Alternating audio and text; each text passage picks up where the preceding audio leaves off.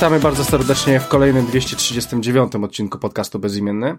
E, za pierwszym mikrofonem będzie dzisiaj e, Christian Kender, a ze mną w studiu będzie również Mikołaj Weiser. Będę, będę. Witam, witam, pozdrawiam ze słonecznego Piaseczna, z wakacji, takie właśnie to mam wakacje. Wracam się z wami pożegnać na, na okres wakacyjny. Eee, także siemanko, miło was znowu widzieć, słyszeć.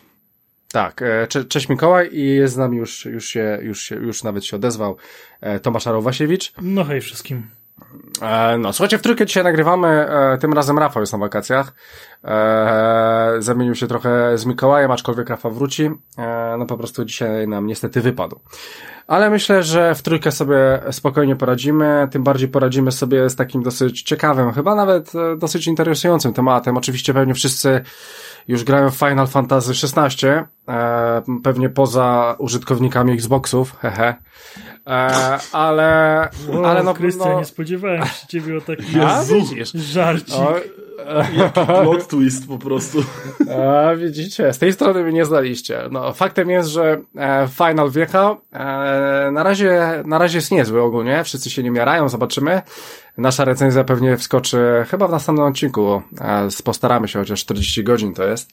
To ja dam e, Faktem jest, że a to, ty, to już ty to już dawno powinieneś przejść w ogóle. Ja się dziwię, że ty jeszcze nie przeszedłeś. No wszystko przez ten grind w Street Fighterze, nie?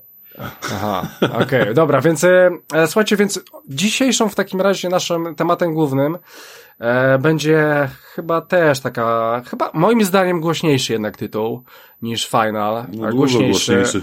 No chyba tak, więcej osób na niego czekało, czyli słuchajcie, jest to nowe Diablo 4. E, Diablo 4, które mam nadzieję wkrótce będzie w Game Passie i sobie w, w niego pogram.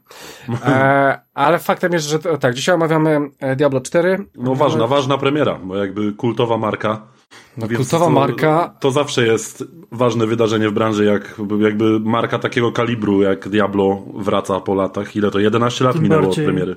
Tym trójki. bardziej, że Blizzard y, ostatnio nie ma najlepszego PR-u.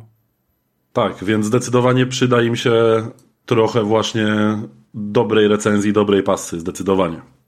Tak, więc dlatego w dzisiejszym odcinku e, będziemy sobie omawiać e, Diablo 4. E, poza tym oczywiście będzie dużo fajnych gier. E, pograliśmy w betę takiej gry od Ubi. Na razie nie wypowiem tego, tej nazwy, ale, ale później ją wypowiem. Postaram się. Bo nie wiesz, jak dobrze wypowiedzieć po prostu. E, faktem jest, że to jest końcówka miesiąca, więc wypadałoby przeczytać patronów.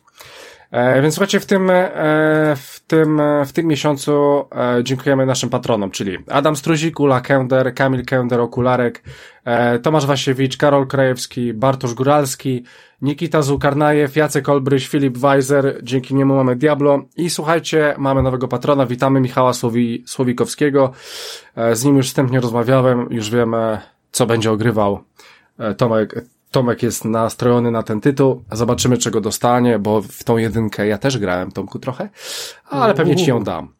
Dzięki. E, ale pewnie ci ją dam. E, ale to e, nie będę mówił, co to jest. Dobra, słuchajcie, zostając tak troszeczkę przy tym patronacie. powiedz, bo, bo, nawet ja nie wiem, co to jest. E, nie, nie, bo to będzie jakaś tam, wiesz, recenzja w przyszłości dla, dla, dla słuchaczy, więc no, nie mogę okay, powiedzieć. Okay. Michał na pewno wie, Tomek też wie, ja wiem. No ty też powinieneś wiedzieć, bo to wszystko jest na naszej grupie, a tak, nasz, tak śledzisz to, co gadamy. Kurwa, na wakacjach jestem. Kurczę, Aha, przepraszam. Okay. Mieliśmy, mieli, mieliśmy mniej przeklinać, więc przepraszam, będę się gryzł w język od teraz. Okej, okay. dobra, więc... E, E, więc jesteśmy przy Patronite i chciałbym troszeczkę powiedzieć o nim. więc tak, jeżeli chodzi o to, to e, chodzi o najnowsze rzeczy, więc książka, która była, e, w której e, zam, e, rozmawialiśmy z jej twórcą, e, jest u nas i będzie do Was wysłana. Czekaliśmy na, na drugą rzecz. Ta druga rzecz już, już doszła. Więc e, myślę, że w przyszłym tygodniu, może maksymalnie w przeciągu dwóch tygodni, to wszystko będzie do Was wysyłane. Będziemy wysyłać sześć egzemplarzy tych książek. W sumie to siedem, ale jedna z UK, więc troszeczkę inaczej to będzie wyglądało. E, I słuchajcie, co dalej? Co dalej, tak? Więc słuchajcie, dalej, no to już będę musiał zaspoiler, zaspoilerować, bo mam pewien e, pomysł na to wszystko. Co następnego trafi do naszych patronów? E, słuchajcie, e, jakiś czas temu a dokładnie w tym odcinku nawet powiemy sobie o pewnym wydarzeniu Xboxowym, które miało miejsce. Eee, bo nie rozmawialiśmy na ten temat, prawda? Nie, nie, nie. Nie, czyli byliście w Warszawie, tak? I tak. Byliście nie, ale, na... ale mnie w ogóle zastanowiła forma czasu, jakiego użyłeś, Krystian, bo czy ty właśnie przed chwilą powiedziałeś, że y, jakiś czas temu powiemy sobie o pewnym wydarzeniu? Okej, okay, nie, wiesz co, wiesz co, spokojnie, spokojnie, bo mi się, bo nie byłem do końca pewny, czy tak już ucieszył, omawialiśmy to, wydarzenie. Mu się język poplątał. Nie, nie. Chodzi o to, przestrzeń. Nie, nie, spokojnie. Chodzi o to, że nikt nie wpisał tego na rozpiskę. Ja wpisałem. A mieliśmy... No, przepraszam. Aha, jest, faktycznie. Dobra, no, masz rację. No, i, I, jak śledzisz rozpiskę? Masz Krystian? rację, no. dobra, okej. Okay. Więc słuchajcie, o co chodzi? E, w Warszawie miało miejsce coś takiego, co się nazywa X, Xbox Fan Fest i chłopaki byli. Tudzież, tudzież Fab Fest. E, tudzież Fab Fest. E, no, nieważne. E, więc e, chłopaki byli, spotkali się i tak sobie pomyślałem, i tak w sumie sobie razem rozkminialiśmy. A co by było, gdybyśmy, gdyby oni wszyscy mieli tą samą koszulkę bezimiennego? Byłoby super. W ogóle ja sobie pomyślałem, że jak zrobimy sobie te spotkanie nasze, tak jak e, wstępnie miało być, ale niestety nie było, i wyobraźcie sobie, spotykamy się w 10, 12, w 15 osób i wszyscy zakładamy koszulkę bezimiennego, no kurwa mistrzostwo. Dla yeah. mnie mistrzostwo. To byłby e, Fabfest dopiero. To, był, to byłby Fabfest, tak. E, no. Więc e, słuchajcie, kolejnym naszym gadżetem, e, jak już teraz zaspoilerowałem, będzie koszulka. I tak bym to zas zaspoilerował, muszę wziąć rozmiary od wszystkich. E, faktem jest, że sobie pomyślałem, że ta koszulka może trafić do każdego, e, do każdego e, z naszych patronów, bo są osoby, które biorą tylko gry i wysyłamy wam gry, spoko, ale na ogół nie macie dostępu do gadżetów, bo nie jesteście w tych progach.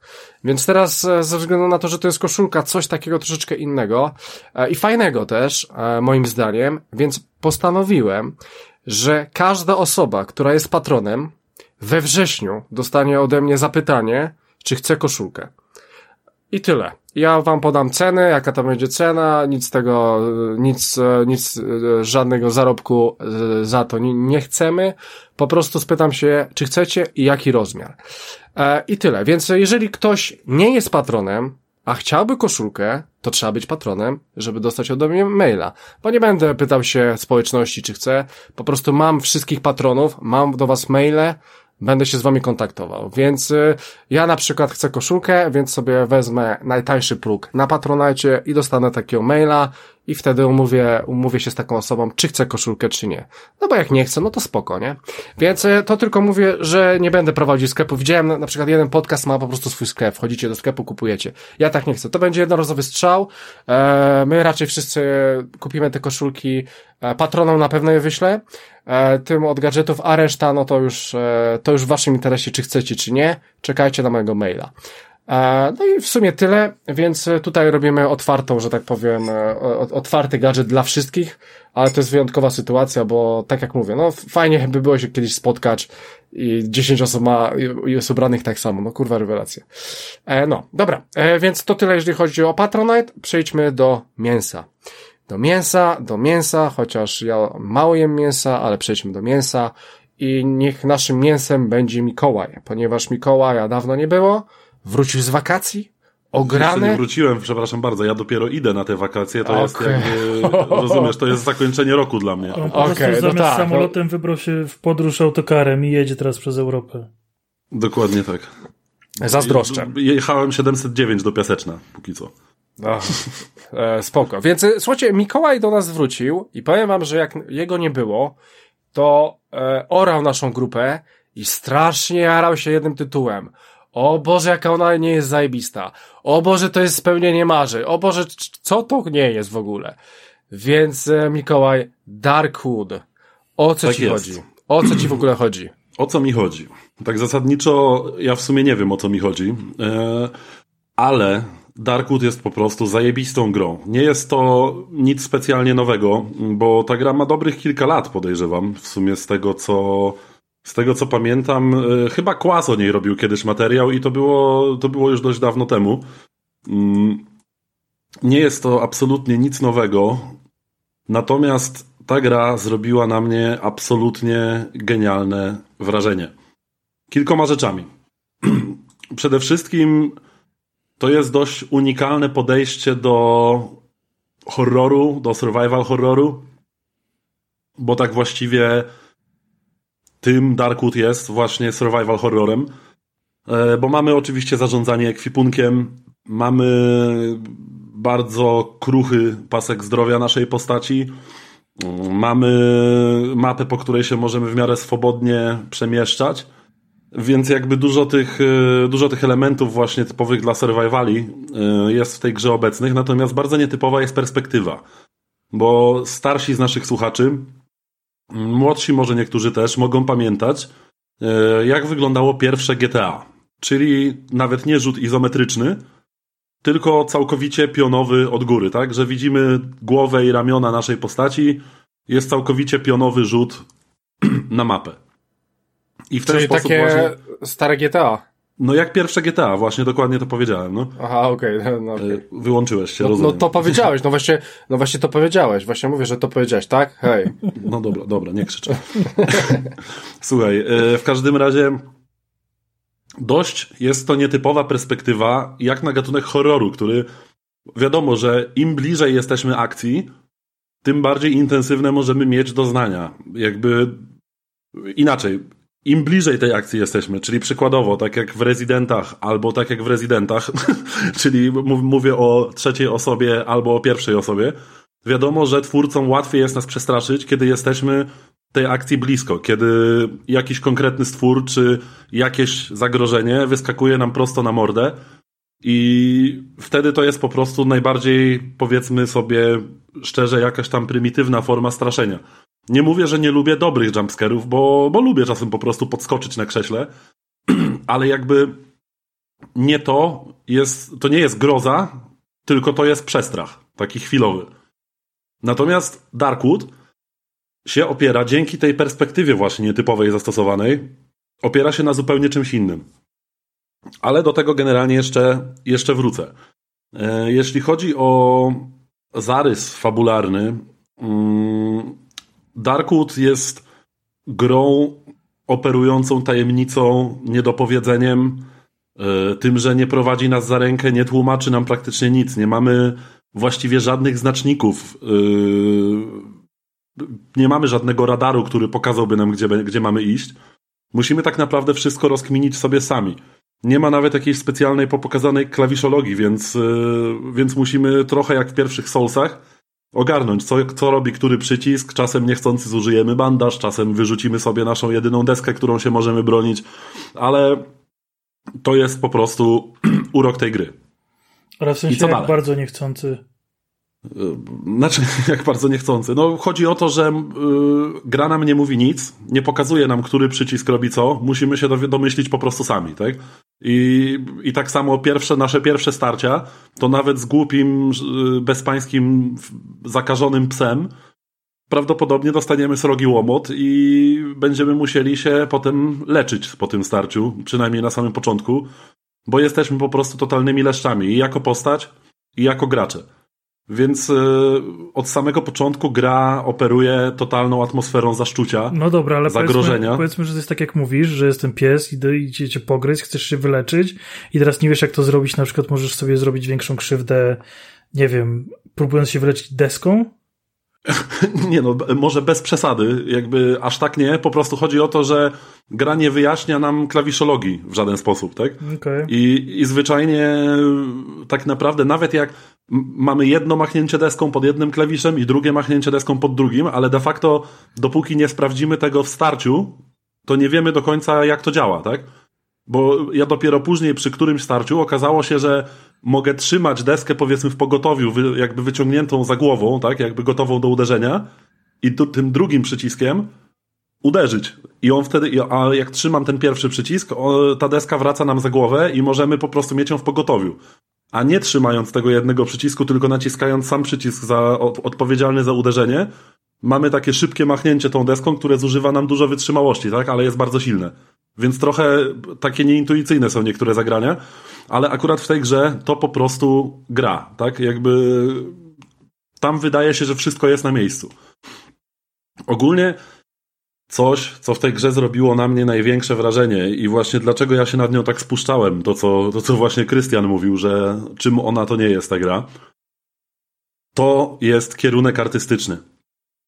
Bo grafika w tej grze sama w sobie jest mocno umowna. Ona troszkę mi momentami zalatuje pixel artem, Te piksele, co prawda, są bardzo drobne, ale mam wrażenie, że w tej grze jest taka kaszka, że tak powiem, zastosowana. I ona jest troszkę pixelartowa. I do tego sprawia wrażenie, tak jakby wszystko w tej grze było po prostu namalowane, albo raczej nie namalowane, bo w tej produkcji właściwie nie ma kolorów. Tylko tak jakby wszystko, co się w tej grze pojawia, było takim onirycznym szkicem, ołówkiem na kartce. Naprawdę to, to jest bardzo ciekawe. I co mnie po prostu uderzyło w tym kierunku artystycznym, to to, jak ta gra operuje grozą. I mówię nie strachem, tylko grozą. Bo to są według mnie dwie różne rzeczy. To, że ty się boisz potworów, które wyskoczą i tak dalej, to, to jest jedno. A to, że ja grając razem z Gocią w tę grę, mm, bo sobie ją ogrywamy po prostu razem, w środku dnia, w jasnym pokoju, na głośnikach, nie na słuchawkach, siedzimy we dwójkę. I ta gra ma tak niesamowity klimat, że w momencie, kiedy szedłem po własnej kryjówce i strzeliła mi deska pod nogami, po prostu pyknięcie, wiecie o co chodzi, trzeszcząca drewniana podłoga, to oboje aż podskoczyliśmy na kanapie, bo ta gra operuje po prostu taką atmosferą, gdzie ciągle gdzieś na jakimś, na jakiejś krawędzi naszego pola widzenia i słuchu, tam zawsze coś się dzieje, wszędzie słychać jakieś odgłosy, Gra, jak sama nazwa wskazuje, dzieje się w lesie. I e, poniekąd fabuła obraca się wokół tego, że na początku gramy jedną postacią, która jest ewidentnie postacią niezrównoważoną psychicznie i próbuje się za wszelką cenę wydostać z tego lasu. Mówi, że wszystkie drogi są zarośnięte. Próbował wyrąbać sobie ścieżkę wśród drzew, po czym przyszedł tam następnego dnia, ona już była zarośnięta że ten, że ten las zmienia kształt, że nie pozwala mu uciec z tego lasu i znajduje konającą postać w lesie. Zaciąga tę konającą postać w lesie, żeby ją przesłuchać, żeby dowiedzieć się skąd się tam wziął, bo yy, bohater, którym akurat gramy, nigdy tej postaci w lesie nie widział. No i później okazuje się, że to my, jako gracze, będziemy resztę gry grać tą schwytaną postacią, tą ranną ten pierwszy bohater nas zaciąga do swojego domu i już nie chcę tam dalej spoilerować, w każdym razie musimy tego pierwszego bohatera pokonać i dopiero de facto zaczyna się właściwa gra. E, mapa jest generowana proceduralnie, więc każde podejście będzie się trochę różnić. Oczywiście to nie jest całkowicie proceduralna generacja, to są jakieś tam klocki, z których mapy są składane trochę jak w Returnalu czy niektórych yy, roguelike'ach. Mm. I tam jest to zresztą wytłumaczone fabularnie, że ten las jest przeklęty, co się z nim nie tak, on się zmienia cały czas, nie pozwala uciec. Więc wszystko tam po prostu jest na swoim miejscu. E, do tego dochodzi genialna ambientowa muzyka, która gdzieś tam cały czas właśnie, że tak powiem, na krawędzi ucha gdzieś nam szeleści, gdzieś nam brzęczy. Taki nie, wszędzie jakieś niepokojące odgłosy. Mówię, no to jest gra, przy której można podskoczyć w biały dzień, idąc przez ten las, kiedy trzaśnie nam gałązka pod nogami. Do tego yy, ciekawie jest rozwiązane to, co my właściwie widzimy jako bohater. Yy, nie wiem, pamiętacie może Komandosa, tę, tę strategię? No. Pewnie. No, to yy, kojarzycie te takie stożki widzenia, co oni tak, mieli, tak, prawda? Tak, ci, tak, tak. ci strażnicy i nasi żołnierze chyba zresztą też. Mm, I tutaj jest dokładnie tak samo. Nasza postać, poruszamy się nią trochę na zasadzie takiego twin stick shootera, nie? że lewą gałką chodzimy, a prawą obracamy postacią dookoła własnej osi. I mamy właśnie stożek widzenia, który ma tam te 90 stopni, powiedzmy, czy 100, czy 110. I w tym stożku jakby wszystko widzimy, mamy więcej szczegółów terenu, natomiast dookoła naszej postaci, za jej plecami, tam gdzie nie mamy pola widzenia, widzimy tylko jakby zarysy mapy, trochę taką jakby mgłę wojny. I dzięki temu, że gra ma naprawdę dobre audio przestrzenne, to nie, znaczy myślę, że to jest y, zrobione na zasadzie stereo, ale to jest bardzo dobrze zrobione stereo. Gra genialnie operuje tym, co widzimy i słyszymy i tym, czego nie widzimy, a słyszymy. I to jest po prostu rewelacja. Do tego dochodzą projekty postaci, bo rozmowy tam wyglądają tak, że się pojawia statyczna plansza z bohaterem, z którym rozmawiamy. Mamy czarny ekran, z prawej strony jakby portret postaci, z którą rozmawiamy. I ten portret jest animowany trochę na zasadzie rozmów z, z Metal Geara pierwszego. W sumie tu by, tak bym to porównał. Czyli rozumiecie, raczej statyczna plansza, rysunek, mhm. który tak jakby lekko oddycha, nie? Taki minimalnie ruchomy obrazek, portret. I projekty tych postaci, z którymi my rozmawiamy, to jest wymysł jakiegoś umysłu chorego szaleńca, bo pierwsza postać, na przykład, z którą spotykamy, yy, w ogóle dużo tam jest narracji, która opisuje nam to, co się dzieje, trochę na zasadzie mm, sesji RPG, bo de facto tam nie ma udźwiękowienia dialogów. Jedyne co to są odgłosy walki, chodzenia, lasu, ale dialogi wszystkie są w postaci tych planż właśnie z napisami. I do tego yy, na przykład co jakiś czas pojawia nam się na dole napis, że jak z przysłowiowego gotika, że czujesz jak coś cię ciśnie i dusi, kiedy wchodzisz do tego pokoju, nie? Trochę takie RPGowe opisy.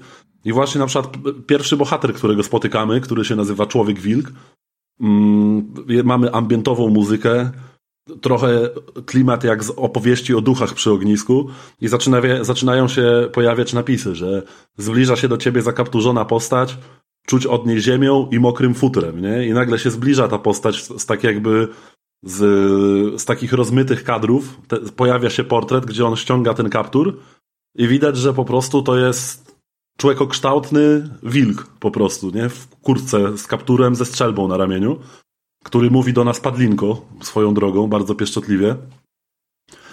I, I tak to się właśnie toczy. E, gra ma dużo powiedzmy zagadek takich, że trzeba znaleźć jakieś, e, jakieś pismo, jakiś dziennik, które mówi nam o jakimś miejscu w lesie, które albo już mogliśmy odwiedzić i wtedy skojarzymy, że o nim jest mowa.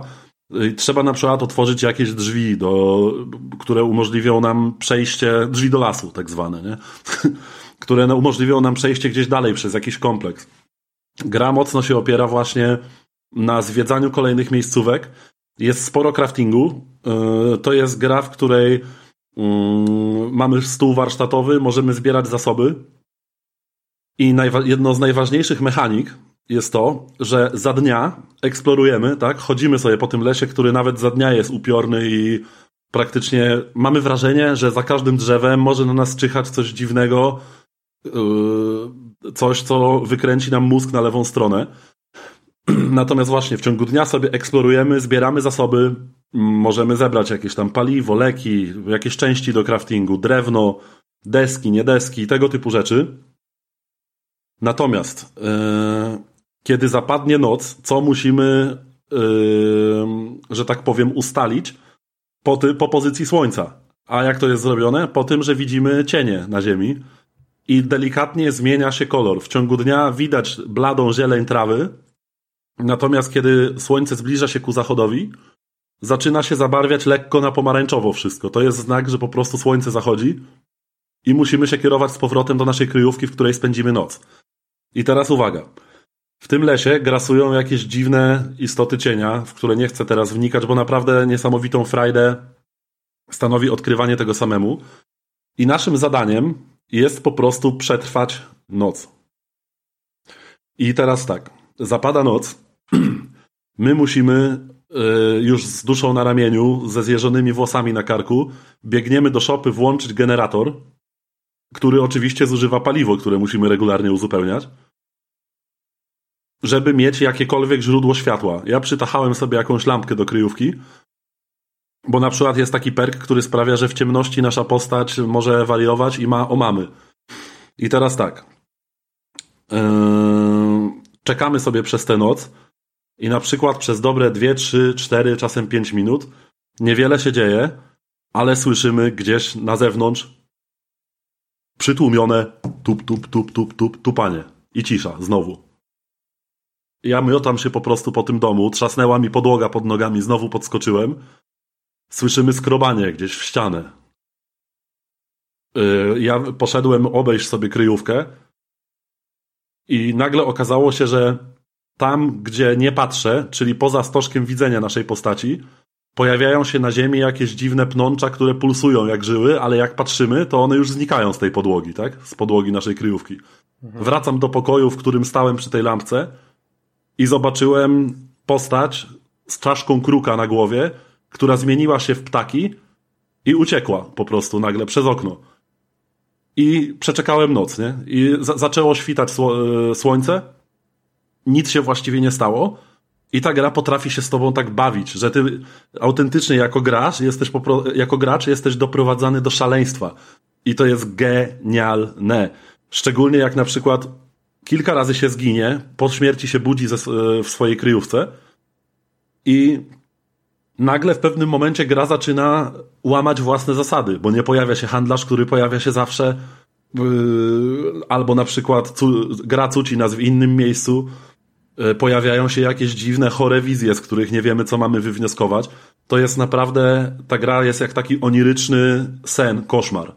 Coś pięknego. Mikołaj, Jakby... ty, po, powiedz no. mi, ty, ty masz możliwość walki w tej grze? Tak, tak, masz, jak najbardziej. Nawet możesz sobie później skonstruować pistolet albo jednorazową strzelbę na przykład, nie? Mm, okay. Więc jak najbardziej, jest walka. Dobra, a poczekaj, a jak, a jak zginiesz, to jest jakaś kara? Znaczy tak, przede wszystkim jak zginiesz, to losowo, bo masz tak, masz ekwipunek, który ma ograniczoną ilość miejsc, chyba że sobie zrobisz większy plecak, to wiadomo, trochę jak w rezydentach, nie? Że możesz sobie zrobić po prostu większy storage na przedmioty, które możesz nosić ze sobą i masz pasek szybkiego wyboru. Więc tylko przedmioty, które masz w pasku szybkiego wyboru ci nie znikają, jak zginiesz. Natomiast to, co masz w plecaku, losowe przedmioty mogą ci przepaść, kiedy, kiedy umrzesz, tak? W ciągu dnia. Natomiast za przetrwanie nocy dostajesz reputację u handlarza, który pojawia się u ciebie co rano i za tę reputację możesz kupować u niego przedmioty. Natomiast kiedy zginiesz, to po prostu tracisz jakby możliwość tego zakupu, tak? Bo tracisz, tracisz tę reputację i nie możesz nic kupić u handlarza następnego dnia. Po prostu budzisz się rano, jak zginiesz mhm. i karą jest albo utrata przedmiotów, albo tej waluty, powiedzmy, tak? Mhm. No, w każdym razie, w każdym razie, no, gra jest niesamowicie emocjonująca. No, z gorzką jak w to gramy, to mimo, że siedzimy we dwójkę, czasem sobie żartujemy i tak dalej, to po prostu ta gra, nawet jak nic specjalnego się tam nie dzieje, po prostu zwyczajnie idziemy sobie przez ten las, to mamy po prostu cały czas zjeżone włosy na karku przez muzykę, przez genialne, powtarzam, genialne udźwiękowienie. Ja nie wiem, czy kiedykolwiek słyszałem tak perfekcyjnie dobrane dźwięki w grze. To jest coś niesamowitego, jak ta gra operuje klimatem. Yy, można ją kupić po prostu za jakieś śmieszne grosze. Yy, ja ją dorwałem akurat na Switchu, aczkolwiek ona jest chyba też na PC-tach. Wydaje mi się, że tylko na tych dwóch platformach. Mhm. E, niestety ma w kilku miejscach, tam gdzie jest, są jakieś gęste zarośla, mimo swojej prostej grafiki, mm, to potrafi zwolnić do 15-20 klatek na Switchu, no ale to Switch, więc jakby no to trzeba, tak, trzeba wybaczyć. Mm, natomiast no pff, szczerze my o nie mieliśmy z Gochą, jak pograliśmy w to chwilę. Bo w, ty, w tej grze jest tyle głębi takiej artystycznej, takich jakichś y, pytań o, o człowieczeństwo, o szaleństwo, y, naprawdę porusza ciekawe rzeczy. Wydaje Ale mi się, że gra się dzieje w Polsce, to, bo czym słucham? szaleństwo? Czy odpowiada na to, Jeszcze... czym jest szaleństwo? Bo tak rzuciłeś, tak mi się skojarzyło z Wasem, z Far Cry'a. tak. Znaczy, wiesz co, to jest gra, która zostawia duże pole do interpretacji. Jakby i naprawdę, naprawdę warto po prostu poznać tę grę, spróbować. Ma, można się od niej na początku łatwo odbić, bo jest trudna. To jest trudna gra, jakby nawet na samym początku. Mm, jak odpalamy grę, to mamy komunikat od twórców. Grasz w trudną grę, która nie prowadzi cię za rękę, nie zniechęcaj się, bądź skoncentrowany, przeżyj. Nie? I samo menu gry ten motyw muzyczny, który się pojawia w grze, to jakby samo menu tej gry jeży włosy na karku. A to jest coś, co się nie udało naprawdę dużym, wysokobudżetowym horrorom, w które grałem. I za to, że ta gra właśnie operuje artyzmem, żeby mnie straszyć, a nie tanimi jumpscarami, za to po prostu wielkie, wielkie brawa. To jest swoją drogą yy, polskie studio, ono się nazywało bodajże Acid Wizards, o ile dobrze pamiętam. Dobrze pamiętasz. Tak? Dobrze pamiętam? Tak, tak. Acid Wizard Studio. No? O, Acid Wizard, właśnie. E, gra jest polska. Ja ją kupiłem w ogóle na Switchu, była przecena, ja ją chyba kupiłem za 7 zł, słuchajcie. A to trzeba ja, mówić. Ja podejrzewam, ja mówiłem wam wtedy, że, że za grosze kupiłem. Chyba tak, ale ktoś się tam słuchał. No, coś no, coś no właśnie. Dokładnie. Więc słuchajcie, jakby, ale nawet gdyby ta gra kosztowała i stówę i 150, to naprawdę w ramach po prostu chociażby wsparcia tych twórców za to, co zrobili, a zrobili genialną, przepełnioną artyzmem, sercem i gęstym jak smoła klimatem grę i za to po prostu należą im się wielkie brawa i gratyfikacja w postaci nas kupujących Darkwood. Za 7 zł. Za 7 zł. Za 7 zł. No należy dobra. im się, należy im się. Należy im się. Nie, serio, ale gdy, naprawdę, gdyby jej nie było na, na przecenie, to za. i tak bym ją kupił, bo ja pamiętam już te kilka lat temu dobrych, Kłas zrobił o niej materiał i ja strasznie byłem podniecony, żeby w tę grę zagrać, ale na żadnej z konsol, które miałem, jej nie było. Ja dopiero teraz tak naprawdę zobaczyłem, że ona jest na Switchu, a PC-ta nie mam, tak? Więc, yy, więc po prostu miałem w końcu okazję i się niesamowicie cieszę, bo naprawdę to jest jedna z najciekawszych pozycji, w jakie grałem. Tak okay. ogólnie. Ja tylko dodam, że gra ma 6 lat. 6 e, lat, właśnie, no. no. Dlatego jest za 7 zł. E, dobra, e, słuchajcie, to tyle jeżeli chodzi o Darkwood. E, ja w ogóle, jak będę tak przechodził i rzucał się do, na chłopaków z tematami, to chciałbym przypomnieć, że na Spotify'u e, wrzucamy teraz ankiety do, e, do naszych odcinków. E, ostatnio nie czytałem, więc przytoczę to, co było dwa tygodnie e, temu, w sumie cztery tygodnie temu pytałem, chciałem, zadałem wam pytanie, czy Anbernik, czyli te małe urządzenie, które Rafał recenzował ostatnio, czy używanie tego to jest piractwo i wyszło nam, że 50, 55% stwierdziło, że nie, 45%, że tak, jest to piractwo, więc ogólnie suma summarum e, nasi słuchacze uważają, że nie jest to piractwo, więc jeżeli nie jest, to polecamy kupić to urządzenie, bo jest bardzo fajne. E, dobra, przejdźmy do Tomka. No ale to jest, chyba, to jest chyba kwestia tak naprawdę zależna od tego, jak kto używa tego Anbernika, nie? No pewnie tak, no pewnie tak. No bo, no bo wiesz, stary, jak, jak masz powiedzmy, jak jesteś jakimś freakiem, który ma całą półkę zastawioną romami z NESa na przykład, no to masz mhm. pełne prawo zgrać sobie tego Roma na komputer i używać go na Anberniku, tak? Jakby. No tak, to, ale nikt tego nie będzie robił. Piractwo. Wiem, ale wiesz, dostajesz to urządzenie, ona ma 500, 1000 gier, 1500 gier, 2000 A, bo ono gier. ma wgrane, no tak. Ta, tak, i ty i co? I ty myślisz, a nie, odpalę tylko dwie, które, na które mam romy? No, no, no nie, no oczywiście. Ja mówię, jakby, no. ja, ja, mówię jakby po prostu, że wcale nie musi to być piractwo. O, tak? ale to takie nie musi wymuszone bardzo, wiesz. No to tak jak po prostu nasze bronienie Phila Spencera i najeżdżanie na PlayStation. Akurat tak, akurat Phil jest super. Powiedział, że Call of Duty będzie, więc niech a będzie. A Jim Ryan jest hatfu. Jest, zawsze był. E, dobra, więc słuchajcie, przechodzimy do Tomka. E, Tomku, w ogóle e, z Tomkiem jest ciekawa e, opcja, bo Tomek, wyobraźcie sobie, że ograł grę demo gry, której pełna wersja w dniu premiery będzie na Game Passie, więc tym bardziej będę chciał to posłuchać. Więc Tomku, Lies, Lies of P, czyli chyba tak. Souls-like, z tego co się nie mylę, tak? Zwykły po prostu Pinokio, e, który chciał co, co to jest Pinokio? Być, być chłopcem i, i, i ten, i, i ma swojego Geppetto. Nie, tak naprawdę trochę pół żartem, pół serio, ale... No jedziesz. E, ale Lies of P to faktycznie jest e, historia Pinokia i faktycznie jest to Souls-like inspirowany klimatem mocno Bloodborne'em, e, grą, którą, o którą jakby fani proszą o dwójkę już od wielu, wielu lat i właściwie nic się w tym temacie nie dzieje. E, w związku z tym ktoś inny postanowił zrobić Bloodborne 2. E, oczywiście nie jest tak różowo, jak można by przypuszczać, aczkolwiek niebo a ziemia, jeżeli chodzi o recenzowane u nas e, Steel Rising e, przez Mikołaja. E, bo naprawdę Steel Rising to było krapiszcze totalne. Było bardziej drewniane niż Pinokio. Natomiast Pinokio, tak, Pinokio jest naprawdę, naprawdę fajną grą. Zaskakujące jest to, jak długie jest to demo, bo naprawdę, słuchajcie, no, jest tam dwóch pełnoprawnych bossów do przejścia i jeden e, też taki właśnie w Bloodborne'owym stylu e, jakby postać bardziej ludzka, e, która też jest takim mini-bossem. E, no, no kurczę, no zrobiło to na mnie wrażenie, że w ogóle tak duże demo zostało e, nam jakby pokazane mm, i wygląda ja w ogóle, to bardzo dobrze. W ogóle szanuję, szanuję trend y, powracających dem, bo zauważcie, że było ładnych parę lat, gdzie praktycznie nie było wersji demo. Tak, twórcy od, tego, twórcy od tego odchodzili. Mhm. E, kiedyś w ogóle dema przecież były dołączane do, do, do, do, do płyt, gazetek, do gazet, no do, do, magazynów i tak dalej. E, to później, był internet na płycie po prostu. Później, później to trochę umarło, twórcy twierdzili, że to bez sensu, że to dużo roboty i, i, i tak dalej. No, ale ja też mam, ale ja też mam, jeszcze sorry, że ci przerwę, ale ja mam wrażenie, że jeżeli mamy, mówimy w ogóle o demach, e, to w większości bardziej zależy to, żeby te dema były zrobione przez gry od niezależnych studiów.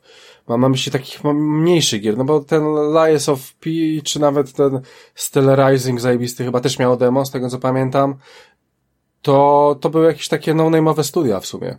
Okej, okay, ale zważ na demo Final Fantasy XVI. No tak, no teraz pomyślałem. W które... sumie Diablo też miało. Doom miał demo. Y, I tak, Diablo też miało akcję. darmową betę i Call of Duty ma darmową betę. E... Okej, okay, nie było pytania, no dobra, to głupie spostrzeżenie, okej. Okay. Znaczy nie, no jakby, jakby spoko, faktycznie masz trochę racji z tym, że gracze mogą mieć większe um, większą chęć zagrania w coś, jeżeli mogą to przetestować wcześniej, że nie kupują kota w worku, tylko faktycznie mają do tego, do tego prawo. No ale na przykład w takim Forspoken to demo było, chociaż było od dużego wydawcy, to zrobiło kuku grze, tak? E, więc mhm. to jest obusieczny miecz, nie, nie wolno po prostu zrobić dema dla zrobienia dema, trzeba trochę o tym pomyśleć. I moim zdaniem e, tutaj Lies of P wychodzi naprawdę z, z obronną ręką. E, tak jak wspomniałem, no nie jest to Bloodborne 2, tak? E, troszkę, troszkę tam rzeczy brakuje. E, na ten moment kuleje przede wszystkim w walkach z bossami e, unik. To wielu też czy, czytałem opinię, że to nie, myślałem, że to tylko ja, ale okazuje się, że nie tylko ja miałem z tym problem, że ten unik mimo wszystko jest trochę za słaby i e, zwłaszcza w takich bardzo dużych obszarowych atakach ci bossowie i tak nastrafiają nawet pomimo podwójnego uniku. E, więc, więc, więc coś tutaj nie do końca gra. E, gra jest też, e, też troszkę nastawiona na taką właśnie brutalność jak Bloodborne, żeby, żeby być bardziej takim atakującym niż broniącym się. Mm, fajna jest. No tak, tam wręcz jedną z podstawowych mechanik w Bloodborne było przyjmowanie obrażeń, żeby je potem jakby odzyskać nie, przez nie, nie, atakowanie to, to, to. To nie tak było, to nie tak było. Po prostu chodziło o to, że jeżeli dostaniesz, to powinieneś od razu oddać, żeby stracić mniej życia. Ale nie... No tak, bo tam był ten pasek taki zaciemniony, nie? I tak, on ci mógł ale, wrócić, ale jak to mu się oddało. Tak, to nie było tak, że się miało z tego korzyści, że się dostawało obrażenia. Znaczy to jest troszkę mhm. bardziej skomplikowane, bo zawsze w Soulsach jest e, jakiś taki przedmiot czy coś, czy, czy, czy umiejętność, czy czar, e, który zwiększa ci obrażenia, jak masz mało życia, ale akurat nie jest to powiązane z tą taką, powiedzmy, wampiryczną umiejętnością, czyli, mm -hmm, czyli, mm. czyli tego odebrania życia przeciwnikowi po, po otrzymanym ciosie. E, natomiast tutaj jest to całkiem ciekawe. Mamy też zmienną rękę, E, trochę jak w Sekiro. E, ta, ta proteza ręczna może, może różne rzeczy e, przynosić. W demie jest to tylko linka z hakiem, pozwalająca przeciwników przyciągnąć do siebie. Mm, udało się przetestować chyba pięć broni jest e, różnych, e, więc e, w tym jedna już z, z dodatkowymi obrażeniami elektrycznymi jakby z, z automatu, więc, więc fajna sprawa. Ale w sensie to jest pięć archetypów broni jakby, czy znaczy, Czy na no, jakiej zasadzie? Nie, to wydaje mi się, że to jest bardziej jakby w Bloodborne, czyli że każda broń jest po prostu bronią. osobnym nie, bytem. Tak, tak, Nie, nie, jak, nie jak w Dark Soulsach, że masz tam takie miecze, takie miecze, katany, coś tam. No, no właśnie o to ten. pytam, nie? Nie, bo raczej, raczej to jest dokładnie tak jak w Bloodborne, czyli ka każda broń jest sobie, po prostu, po prostu okay, tak ta broń okay. wygląda e, i, i tyle. Mm, no mamy jakby tam różne miecze, e, jest pałka i właśnie jest e, taka elektryczna pałka, która dodatkowo właśnie zadaje te obrażenia od elektryczności. Co ciekawe, jest to też obusieczny miecz, bo e, nasza postać również przez to, że jest nową generacją jakby takich lalek mechanicznych, to również jest podatna na elektryczność, więc może się zdarzyć, że w wyniku jakby tego atakowania wywołamy sprzężenie zwrotne, które nam zrobi kuku, więc, więc trzeba bardzo na to uważać. Niemniej jednak e, fajna jest to mechanika, są też przedmioty na to, żeby jakby e, zwiększać e, swój, swoją niepodatność na, na tą elektryczność. Widać, że jest, że jest tam sporo tych rzeczy przemyślanych. Mamy oczywiście tam troszkę fashion souls, e, wszystko właśnie w takim wiktoriańskim klimacie, więc jeżeli lubicie falbanki i, kołnierzyki barwne, to jest Balenciaga. To, tak, to jest to, to jest to dobre miejsce, e, ale wszystko to wygląda całkiem fajnie. E, właśnie oprócz tych uników, do, do czego mógłbym się przyczepić w tym tytule, to mocno ascetyczna grafika ma się poczucie, że to nie jest tytuł next-genowy, e, jeżeli chodzi o taki feeling. I to nawet już nie chcę porównywać tego do Final Fantasy XVI, które mi po prostu rozsadziło głowę, ale nawet, e, nawet te, te współczesne tytuły odpaliłem właśnie Alexa 2, bo, bo trafił do PlayStation Woo! Plus i właśnie właściwie między tym Alexem 2 a, a Lies of P nie bardzo widzę różnicy w grafice, więc nie jest to E, najlepsza rekomendacja. Ja, przepraszam, przepraszam bardzo, jakby Alex miejscami potrafi być bardzo urokliwy. Nie, no miejscami tak, ale ogólnie chodzi mi taką, taką pustkę troszkę i tak jakieś to wszystko jest e, niezamieszkałe. Alexa to ty szanuj. Okej, okay. no w każdym razie, w każdym razie tutaj, tutaj troszkę ten tytuł uwiera. Mamy natomiast miliony skrótów, tak jak właśnie w, w, w seriach Souls, a już w ogóle w Bloodborne, gdzie, gdzie ta akcja była mocno taka upakowana na, na ulicach, e, więc mamy jakieś naprawdę windy, niewindy, drabiny, przejścia, e, bramy, które się otwiera i widać, że nawet powiedziałbym, że jest trochę tych skrótów za dużo. E, że, że, że ale no, widocznie jakby twórcy chcieli bardzo mocno skrócić e, ból spowodowany śmiercią. E, ta śmierć, przynajmniej no w moim odczuciu, nie przychodzi łatwo, tak łatwo w zwykłej walce. Raczej, raczej ta eksploracja jest dosyć przyjemna właśnie z, z elementami walki z jakimiś przeciwnikami. E, natomiast e, poziom trudności zdecydowanie wzrasta przy walkach z bossami. I e, no jest to coś, co mi zawsze przeszkadza w grach Souls-like, czyli nie mam poczucia, że zasłużyłem na to śmierć. Że troszkę jest to przypadek. Zauważyłem też coś, czego strasznie nie cierpię w tego typu grach, czyli to, że boss w końcowej fazie swojego jakiegoś potężnego ataku w ostatniej sekundzie skręca w naszą stronę, żeby na pewno nas trafić. Nienawidzę tego, bo jeżeli mam obcykane, jak ten boss się zachowuje, jakie ma ataki, no to po to robię ten unik w tę stronę, że odczytałem jego atak, i chcę jakby wykorzystać to, że on mnie nie trafi, a nie, że on... A on auto-aima ma jakby. Tak, a on, że on jakoś tam automagicznie się wykręci E, żeby, żeby, mnie, żeby mnie trafić. I to mnie strasznie wkurza, tutaj to jest. E, pewnie zostanie, bo w wielu niestety w tych Souls-like'ach jest to mechanika, e, która powoduje, że ci bossowie są trudniejsi, bez tego, bez tego by sobie nie poradzili.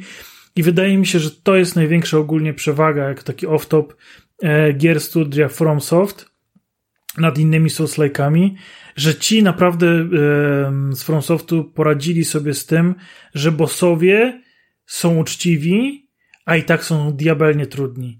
Natomiast reszta właśnie nadrabia tym auto-aimem i to mnie strasznie, strasznie irytuje. No tak, bo w, w tych oryginalnych soul, soulsowych produkcjach od FromSoftu no to jednak po prostu bossowie są ciężcy, bo mają złożone schematy ataków, których nie jest się wcale tak łatwo na początku nauczyć, tak? Tylko po prostu właśnie giniemy przez to, że popełniliśmy błąd, a nie przez to, że boss w powietrzu nagle stwierdził, że skręci i trafi nas prosto w łeb. No, dokładnie, dokładnie.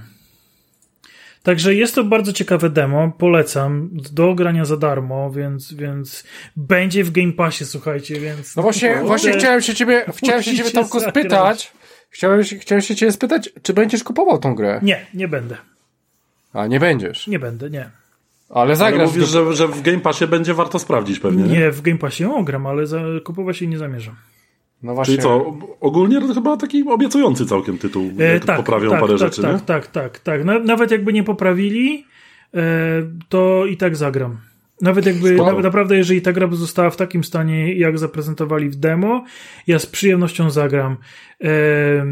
Pinokio jest strasznie fajnie zrobione. E, strasznie mi się podoba design tej postaci. E, bardzo jest obiecujący mm, jakby rozwój jego umiejętności, broni, właśnie tej protezy e, i, i jak ta, ta historia, ja w ogóle strasznie, strasznie lubię klimat taki, takiego science fiction wymyślonego w latach 60., nazwijmy to, mm -hmm. tak? E, z, z ich pomysłami na to, jak, jak to będzie wyglądało, więc są te automatony, które są powiedzmy tam jakimiś lalkami i one takie są trochę jak dziadki do orzechów, ale, ale, tak, ale jakby robią coś i, i czy... No czyli czy, generalnie tym steel racingiem trochę podjeżdża, no. Tak, tak, nie, no jakby właściwie to są, teoretycznie można by pomyśleć, że to są kopie jakiegoś, jakiejś produkcji, tak? Że, że nie, nie wiem, ktoś coś, wymy, ktoś coś wymyślił i potem inni kopiują jakby po prostu ten tytuł, tak? Natomiast, y, natomiast no, ten Lies of P jest zdecydowanie lepszą kopią Bloodborna niż Steel Rising i to o, o, o wiele długości, więc, y, więc tutaj polecam. A jeżeli Myślę, że nawet Xboxa, Mario Kart, Mario Kart jest lepszą kopią Bloodborna niż Steel Rising. Może tak być. Może tak być. E, dobra, słuchajcie, to zostawmy już to. E, więc e, warto sprawdzić, szczególnie, że jest za darmo, no i w Game Passie to już w ogóle, nie? Wiadomo, standard. Słuchajcie, dwa tygodnie temu też zadałem pytanie. moje pytanie brzmiało, a propos Zeldy, bo wszyscy dawali dziesiątkę, a Tomek dał ósemkę. Więc zadałem takie pytanie dum, do was, dum. słuchacze. Czy gra, w którą nigdy nie zagrasz, bo coś po prostu ci nie leży, zasługuje na dziesiątkę. I słuchajcie, odpowiedzi są pół na pół. Dokładnie 50% na tak, 50% na nie. E, więc e, to jest też ciekawa sprawa. E, no i słuchajcie, na pewno po, po tym odcinku też będzie pytanie, więc możecie sobie wejść na Spotify. Ale jeszcze ja chciałbym, chciałbym skomentować tę ankietę. E, no bo e, pamiętajmy, że to jakby recenzja jest e, mimo wszystko subiektywna, tak? Nie, no, ma, nie istnieje z definicji. jak. Nie, no tak, ale jakby wiele osób, wiele osób ciągle jeszcze ma z tym problem, więc. E, więc to nie też... może być obiektywna? Nie. No, nie. absolutnie nie. Absolutnie. Okay. E, więc y, y, wiem, tam też były komentarze pod odcinkiem. Y, na, na jeden taki większy odpisałem. E, na, na, u nas na, na grupie na Facebooku. Mhm. Pamiętam, no. W każdym razie to, co chciałem powiedzieć, to to, że E, jeżeli wiecie, jakie są nasze kryteria ocen, bo zazwyczaj staramy się o tym mówić, co wpłynęło na tą ocenę, to zawsze możecie sobie tą ocenę wyrównać do, do swojego myślenia. To znaczy, jeżeli właśnie w tej ankiecie odpowiedzieliście, że gra zasługuje na dychę, nawet jeżeli nigdy w nią nie zagracie, dla mnie jest to e, jakby minus gry, że, że nie jest dla wszystkich, e, że, że nie każdy może nagle odkryć, że jest fanem Zeldy. Jeżeli dla was to nie jest minus, śmiało sobie dodajcie jakby oczko do tego, do, do, do, do, tej wartości. No już I... pomijając fakt, że w ogóle czasem coś, co ktoś uważa za wadę, to dla innego będzie zaletą gry, tak? Dokładnie. No tak Także... jak jeden powie, że gra jest za trudna, a drugi powie, że jest idealna dla niego, bo lubi wyzwanie. Także warto, warto zawsze mieć to na, na uwadze, że, że te oceny, to sama ocena e, to nie wszystko, warto też e, posłuchać tych argumentów i dostosować je do, do własnych upodobań. Trzeba też wiedzieć, że Tomek ogólnie jest hipsterem w tym podcaście, więc on chce się wyróżniać, więc on będzie dawał dziwne oceny różnym grom. Zobaczycie, Ale to nie co jest da prawda, Krystian. Poczekaj, poczekaj. Zobaczymy, nie, co, co da. Prawda, bo robisz mi strasznie słaby PR. Ja nie, ja nie robię tego na siłę, nie? Ja właśnie, ja właśnie zawsze staram się, niezależnie od tego, jakie są trendy, i nawet temu cholernemu Golumowi dałbym wyższą ocenę, Niż I, dwa? I, niż dwa, e, bo dostrzegam naprawdę fajne rzeczy w nim. Gdyby tylko dowiecie się w recenzji. Ach, dobre, to mi się podobało. Dobra. Słuchajcie, e, rozmawialiśmy teraz o tytule, który wejdzie na Game Passa w Day One, Day One Game Pass, czyli Lights of P, więc zostając już przy tym e, e Ale to teraz ja chcę, ja chcę recenzję Goluma. Nie, nie, nie, nie, nie ma na to czasu. Ja już widzę, co się dzieje. Ja już widzę, co się dzieje na tym Ja odcinku. nie wytrzymię. No to sobie, to będzie DLC, jak zapłacisz, to będzie. Dobra, nieważne. E, słuchajcie, byliście na... DLC e... będzie po elficku ta recenzja. Tak. Płatnym w DLC. A dokładnie, to trzeba było zapłacić. E, słuchajcie, tak więc jest. byliście na e, targach, e, na targach, nie, nie, nie. na, na konferencji e, Xboxowej. E, po raz ostatni bez naszych koszulek, to na pewno. Absolutnie. Byliście w dwójkę, był właśnie Mikołaj z Tomkiem, był jeszcze Nikita, którego pozdrawiamy. Tak jest. Więc e, opowiadajcie. Dobra Mikołaj, bo wie, widzę, że się wyrywasz, dawno nie nagrywałeś. W ogóle chcesz no mówić już... dwie godziny, więc e, mówcie jak tam znaczy... było, czy było fajnie, czy nie fajnie, w stosunku do tego na przykład co PlayStation oferuje. E, najlepiej e, jeden do jednego porównanie, czego, czego, nie, czego nie było na God of War, a co było tutaj. Wiecie, tego wydarzenia nie ma... nie ma w Game Passie, nie? No właśnie, ale za to, ale za to jakby porównując do wydarzenia PlayStation, to jakby oglądając konferencję Sony, musiałem sam sobie zrobić kanapki, a na wydarzeniu Xboxa były kanapki przygotowane. Był szwedzki stół, chciałem powiedzieć. Tak wow, nie, słuchajcie, impreza była, impreza była na bogato. Ja chciałbym tylko słowem, słowem wstępu powiedzieć, no, że no to... E, ta, ta impreza odbyła się w trzech miastach na całym świecie. Jednym w Europie, jednym w Ameryce i jednym w Australii. Mhm. E, I e, Polska, a dokładnie Warszawa, została wybrana jakby w wewnętrznym konkursie Microsoftu e, swoich jakby teamów na to, żeby właśnie w tym roku odbyło się ta impreza w Warszawie. W zeszłym roku odbyła się w Madrycie i było bardzo wiele osób, dziennikarzy z zagranicy, którzy z Europy przyjechali właśnie do Polski, żeby razem z nami. Tak, tak, tak. Tam co druga osoba gadała po angielsku praktycznie na tak. tej imprezie. Tak, więc, więc jest to olbrzymie wyróżnienie. No oczywiście nie dowiemy się, co zaważyło na tym, że ta impreza odbyła się w Warszawie. Krystian. Według...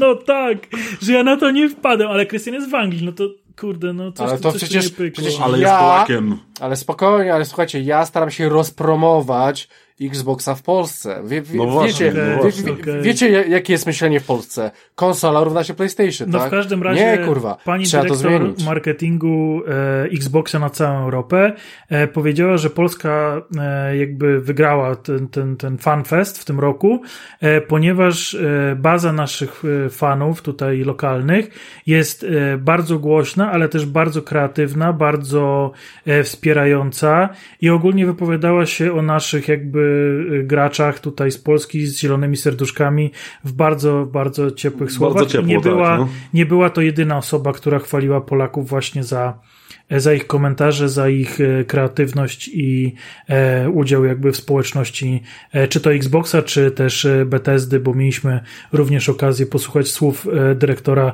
e, regionalnego na Europę Bethesdy. Tak jest. W ogóle mm, w fajnym miejscu się odbywała ta impreza, bo to było w centrum praskim Koneser, y, które jest według mnie świetnym, powiedzmy, settingiem do, dla takich imprez. Y, sam w sobie, samo to centrum ma, ma bardzo fajny klimat industrialny, taki postindustrialny w sumie. Y, wszystko jest ceglano-szklano-metalowe. bardzo, bardzo mi się podobają takie klimaty. Jak przyszliśmy, to przywitała nas ogromna kolejka. Y, więc myślałem, że po prostu zanim my wejdziemy na to wydarzenie, to ono już się skończy, ale na szczęście wszystko było przeprowadzone w ogóle według mnie bardzo sprawnie. Tam wszystko działało na tym wydarzeniu, jak należy. Czasem trzeba było odstać swoje po jakieś tam gadżety, czy, czy do pogrania w coś, czy, czy do jakichś tam konkursów, ale ogólnie według mnie organizacyjnie y, wyszło to po prostu świetnie. Jakby wszystko szło sprawnie, praktycznie w każdym miejscu wydarzenia był ktoś z, z obsługi, można się było wszystko dowiedzieć. Zresztą ludzie sami w sobie byli bardzo serdeczni też w postaci innych odwiedzających. Odbyliśmy sporo ciekawych rozmów. E, trochę ludzi z branży było. E, spotkałem Energika, z którym sobie zresztą cyknąłem fotę i, i powiedziałem mu, że dzięki, dzięki niemu mam wrażenie, że nie mam tak źle w życiu, jak on grając w te krapy swoje na przykład. Więc, e, więc tak, no było trochę, trochę właśnie ciekawych osób cosplayerów, ciekawa, y, ciekawa impreza. Mm, jeszcze jakby zanim się w ogóle zaczął sam pokaz Xboxa, tych właśnie gier, to było sporo właśnie opcji, żeby zrobić sobie chociażby y, butelkę starfieldową z grawerem, którą Krystian otrzyma jakby od nas. I Rafał y, też. Rafał też zresztą. I Ekstomek również. Dokładnie tak. Y, ile ty miałeś tych butelek w bagażniku potem, Tomek? Nie, nie, nie chcę tego publicznie powiedzieć. Tomek miał generalnie pół bagażnika tych bidonów. Nie potwierdzam, nie zaprzeczam. Nie macie dowodów. Nie macie dowodów, tak jest. E, mieliśmy okazję w ogóle, Tomek sobie grał chwilę w Forza Horizon na tym tym takim specjalnym kontrolerze. Tak, tak. Nie pamiętam jak on się nazywa. A, to ja też jeszcze tego nie sprawdziłem, bo jeszcze nie nie Bo nie chcę, nie chcę palnąć czegoś, co będzie strasznie niepoprawne politycznie. Ale, ale tak, ale jest, jest nowy kontroler do Xboxa. E, były dwa stanowiska, jedno z Forzą, drugie nie pamiętam z czym było. E, chyba z jakąś strzelanką i nie wiem, czy nie z Dumem i można było właśnie sobie, sobie te mm, kontrolery poprzemieszczać. Każdy wtedy przycisk, e, właściwie każda, mm, każda część tego pada jest osobnym przyciskiem, z czego e, te najważniejsze, czyli, czyli A, B, X i co tam, Y, tak? No, no. To, to macie na Xboxie tam, tak? Tak. kółko, trójkąt, kwadrat, nie? To, to one były osobno dużymi takimi wielkimi przyciskami, więc, więc fajnie to wszystko zrobione, że można to i, i pacnąć czołem, i, i, i, i policzkiem, i nogą, i czy, czym tam jeszcze. E, wszystko to sprawnie działało, mimo że naprawdę no, wyglądało jak setka kabli z, z Tak, co ciekawe w ogóle one były na takiej materiałowej macie i te przyciski można było sobie na rzepy przepinać. Tak, Pamiętasz, my tak, próbowaliśmy tak, tak, to odczepić to było, i nie tak, wiedzieliśmy, czy to jest na rzepy. Tak, tak, tak, bo, bo naprawdę mocno siedział ten rzep i nie chciałem czego popsuć, ale faktycznie, czyli, znaczy, czyli z jednej strony bardzo dobrze, bo jak już sobie rozplanujecie, to one wam się nie, nie poprzemieszczają, nawet przy na przykład grania, grania podczas grania stopami, e, więc, więc fajna sprawa.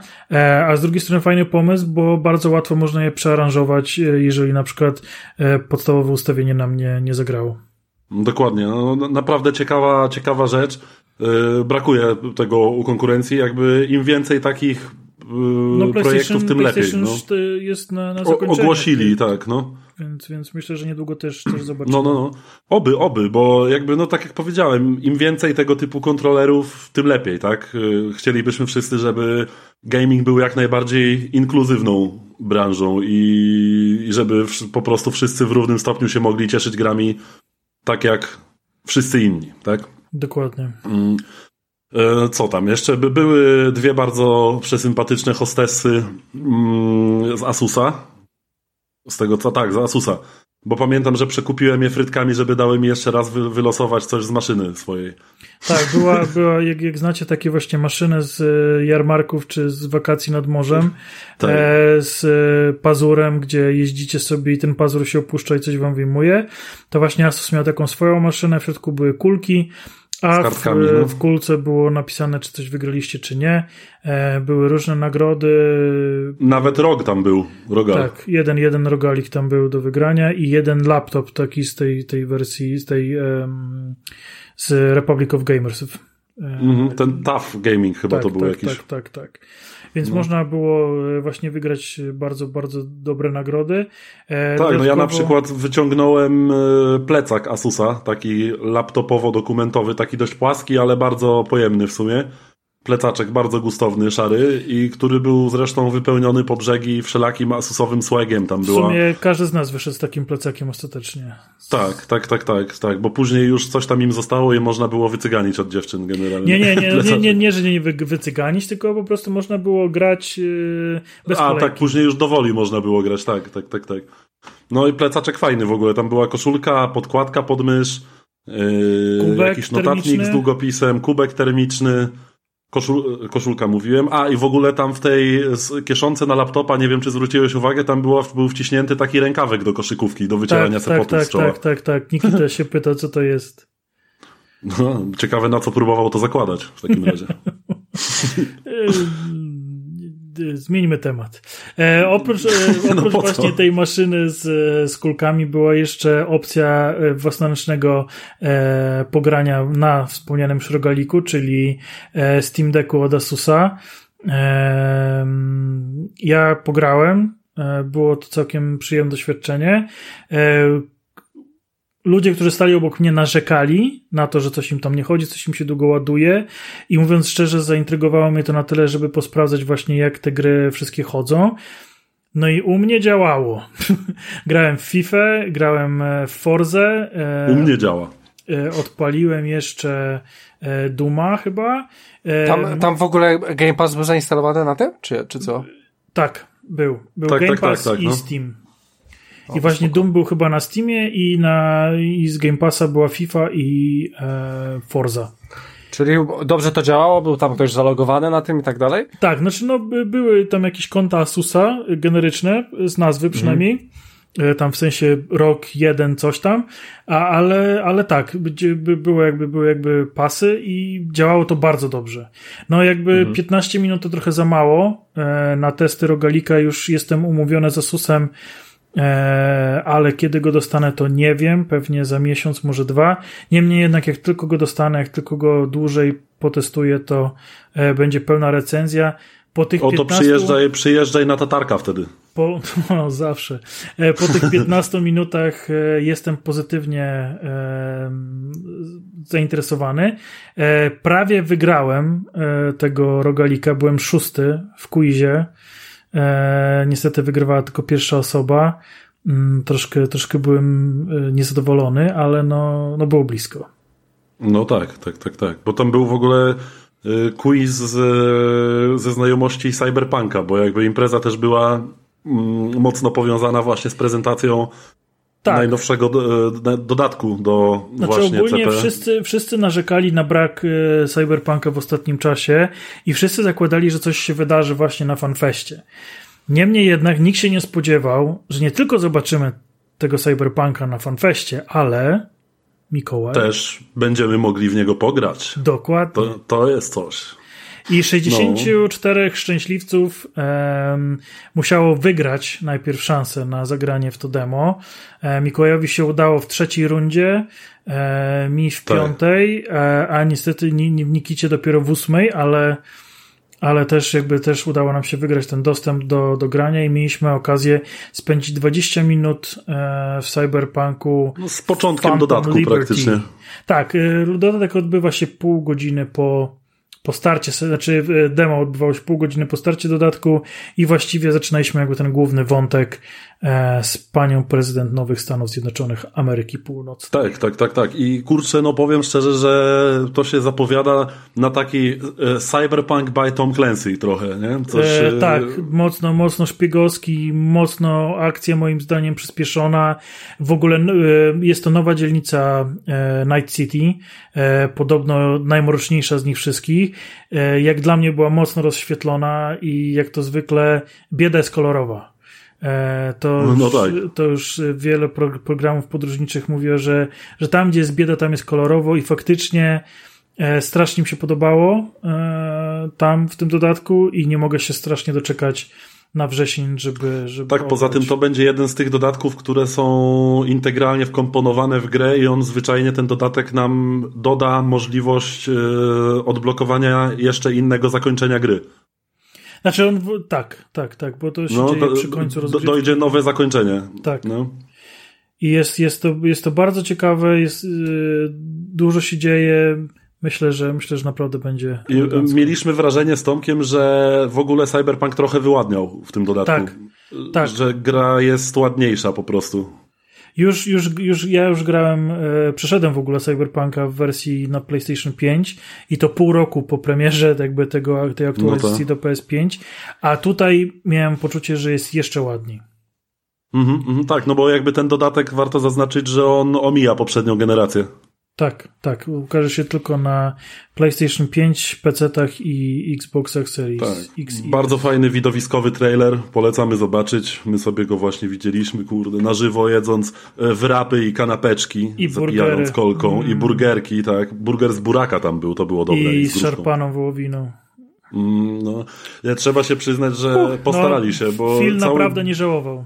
Nie żałował totalnie na tej Ale imprezie. Słuchajcie, Dzwoniłem wcześniej, spokojnie chłopaki. Słuchajcie, było, było dosyć zabawnie w pewnym momencie, bo e, tuż przed całą konferencją e, zostali zaproszeni na scenę różni ludzie. No i najpierw było skromnie, zaczęło się od community managerów Xboxa Polska, potem właśnie pani menadżer marketingu na całe, Xboxa na całą Europę, potem wyszedł dyrektor e, właśnie ten regionalny Bethesdy, no i nagle zapowiedź Teraz osoba, której wam nie trzeba reklamować, oto Phil Spencer. I cała I sala zamarła. Po prostu naprawdę było słychać dźwięk pracujących wiatraków. A tu nagle, słuchajcie, odpala się ekran i Phil do nas tam mówi z nagrania siema, coś tam, nie? I był taki jęk zawodu, ale naprawdę trzeba przyznać, że im to wyszło. Hmm. Tak, tak. Potrafią suspens zbudować. Dokładnie. E, no, też byliśmy e, uraczeni fantastycznym e, podwójnym, znaczy koncertem w dwóch aktach z muzyki z gier. Najpierw pierwsza tak, część była taka mocno liryczna, a później była już taka mocno imprezowo-densowa. Tak, tak, bo w ogóle pierwsza część to w dużej części się obracała wokół Wiedźmina w sumie. E, tam była ta wokalistka. No ale też było z Hadesu i. Tak, tak, tak. tak. Jeszcze, jedna, jeszcze jeden tytuł, już teraz nie pamiętam. Ale chyba z trzy numery Zwierzka były, z tego tak, co, tak, co tak, pamiętam. Tak, tak, tak. E, I to był zespół Wonder, to jest taka dziewczyna, wokalistka e, z gitarzystą. Pięknie śpiewała dziewczyna, naprawdę dała radę na żywo. Bardzo fajne wykonania. No, ciary po prostu. Naprawdę fantastyczny pomysł, żeby tak urozmaicić tę imprezę. Dość niespodziewanie, mm. a, a, a naprawdę zrobiło to robotę. Tak, tak, tak, dokładnie. W sumie nie spodziewałem się właśnie koncertu tak stricte, nie? E, w każdym razie, e, co tam jeszcze możemy powiedzieć? Była pokazana bardzo fajna konsola w wersji Diablo 4. E, tak. Której jest konsol, 10 sztuk na 10 świecie sztuk tylko tej jedna konsoli. Jedna była również do wygrania, e, ale żaden z nas nie miał szczęśliwego numerka, żeby stanąć. Tak, ktoś wyszedł z tą konsolą, no, tak. a ona kilka tysięcy dolarów generalnie na aukcji. Trzeba było, było iść za tą osobą, nie? No, to jest jakaś myśl w sumie. No tak wiesz. Na, następnym razem tak zrobimy. e, tak, no i co, no mówię, impreza z pompą, naprawdę fajny wystrój. Dużo, dużo rzeczy się tam po prostu działo. Było kilku cosplayerów, z którymi sobie nie omieszkałem porobić zdjęć. E, a propos jeszcze w ogóle właśnie jakby głównego dania tego, mm, tego całego fanfestu, czyli Starfielda, było oczywiście sporo jakichś tam figurek. Był jeden do jednego ten robot z trailera, mm, z trailera Starfielda. I do tego był taki gościu, który się zajmuje robieniem takich y, dużo wielkoformatowych plakatów, artów. Mm, nie wiem, czy ty z nim gadałeś. Taki gościu, który nie, stał nie, i miał zaprogramowanego, miał zaprogramowanego robota, który malował wielkiego arta ze Starfielda. To widziałem, widziałem, że byliście z Nikitą z nim zagadać. Tak, tak, tak. Też fajna sprawa. Gościu właśnie zaprogramował tego robota i on na bieżąco w trakcie imprezy właśnie malował takiego gigantycznego arta ze, ze Starfielda. Mm, no jakby wiadomo, ten fanfest to przede wszystkim Starfield. Tam pokazali co prawda z 13 gier chyba, dobrze pamiętam? 11 albo 13. Chyba 13 mm, brzmi podczas... tak lepiej mi w głowie. Tak, podczas... Dużo, dużo. Naprawdę, naprawdę tak mięsny był ten jeż. Bardzo mięsny, tak, tak, tak. Bardzo mięsny jeż, zielony. Yy, ogólnie yy, masz coś, co ci jakoś yy, wyjątkowo się spodobało z tego pokazu, bo ja na przykład oczywiście tam nie pokazali akurat w tym trailerze jakiejś rozgrywki, natomiast totalnie kupił mnie trailer South of Midnight, bodajże to się nazywało. Tak. E, tak, Pamiętasz tak, z tą tak. taką animacją tak, stopklatkową, tak, taką tak. jak ze Spidermana, Boże, nie? zakochany, tak. Oczywiście, że I tak. muzyka, no. I te bagna Nowego Orlanu. Tak, i, tak. I, kurde, i no. ten właśnie z nowoorlańskim akcentem Cudowne. gigantyczny szkielet w kapeluszu grający cudowne, na gitarze, nie? Cudowne, tak. tak. To myślę, że też to będzie bardzo ciekawe. E, no na pewno z, e, zrobił na mnie wrażenie trailer Fable.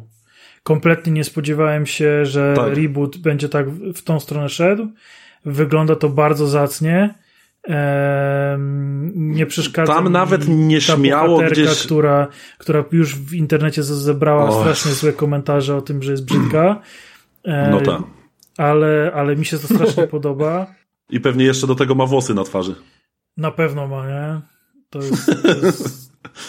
oczywiste. Ale w ogóle zauważ, że tam w sumie, co prawda bardzo nieśmiało w tym trailerze, ale gdzieś tam się przebiły sceny, które wyglądały trochę jak z gameplayu. Tak, tak, tak, tak, widziałem i tym bardziej, tym bardziej czekam. No i oczywiście, no, moje serduszko bije mocniej do y, Star Warsowej gry. No niestety robi ją Ubisoft, ale liczę na to, że. Ale zapowiada się nieźle. Nie, nie zepsują tego. No zapowiada się nieźle i trzymam kciuki, bo em, brakuje mi gry, e, w której właśnie można porobić piu-piu, e, nie ma Jedi, a jest właśnie osadzona w, w, Star Warsach.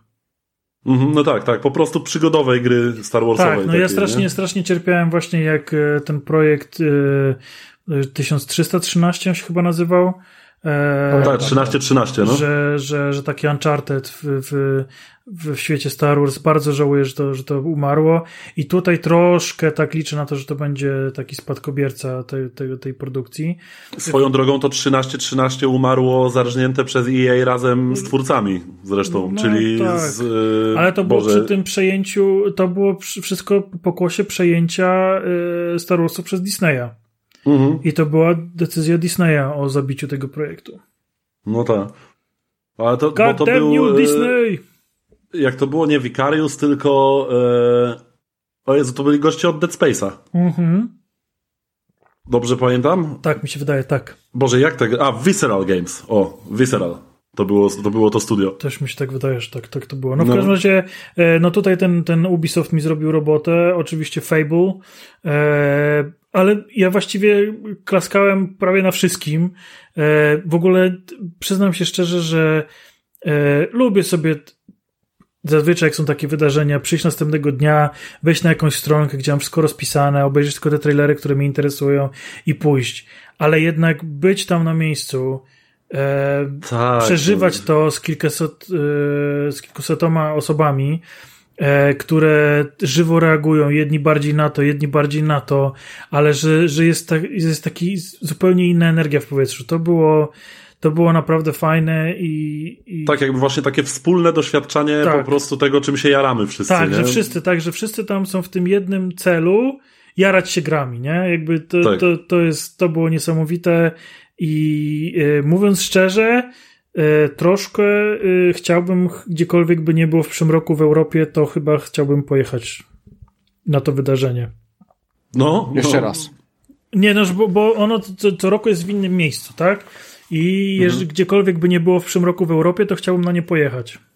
Mhm. Tak, tak, tak, totalnie, bo naprawdę jeśli chodzi o klimat, no to po prostu rozsadziło mi to głowę. Naprawdę właśnie to takie zgromadzenie ludzi, którzy przyszli, tak jak powiedziałeś Tomek, właśnie w jednym celu, to, była, to było kilkuset po prostu zapaleńców i za, zapaleńczyń, tudzież yy, innych jeszcze osób, które po prostu przyszły zobaczyć nowe gry, pojarać się po prostu wspólnie, spędzić ten czas i obejrzeć po prostu ciekawe zapowiedzi. I trochę tych zapowiedzi było. Mnie jeszcze kupiło coś, co nie wiem, czy pamiętasz, jak ja mówiłem, stary, no to będzie Bioshock. To jest Bioshock tak, tak, tak, na 100%. Tak, tak, tak. A ja mówiłem, że nie.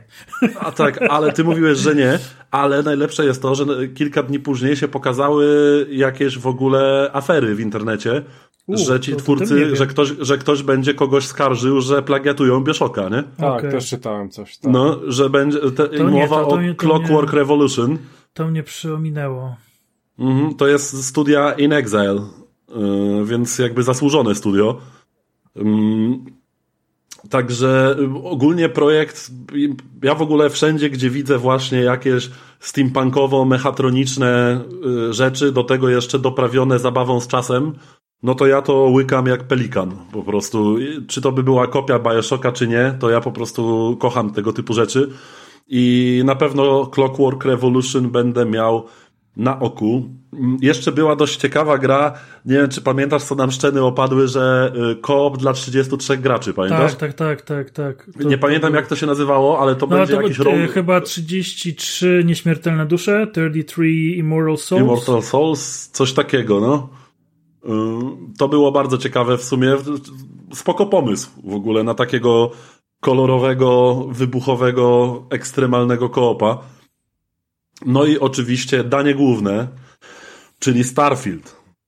który no po pokazach jakby ja już nie będę komentował nawet tego, co się dzieje w internecie, gdzie naśmiewanie się ze Starfielda po tym, co, co pokazali, a pokazali naprawdę kawał niesamowicie zapowiadającej się gry.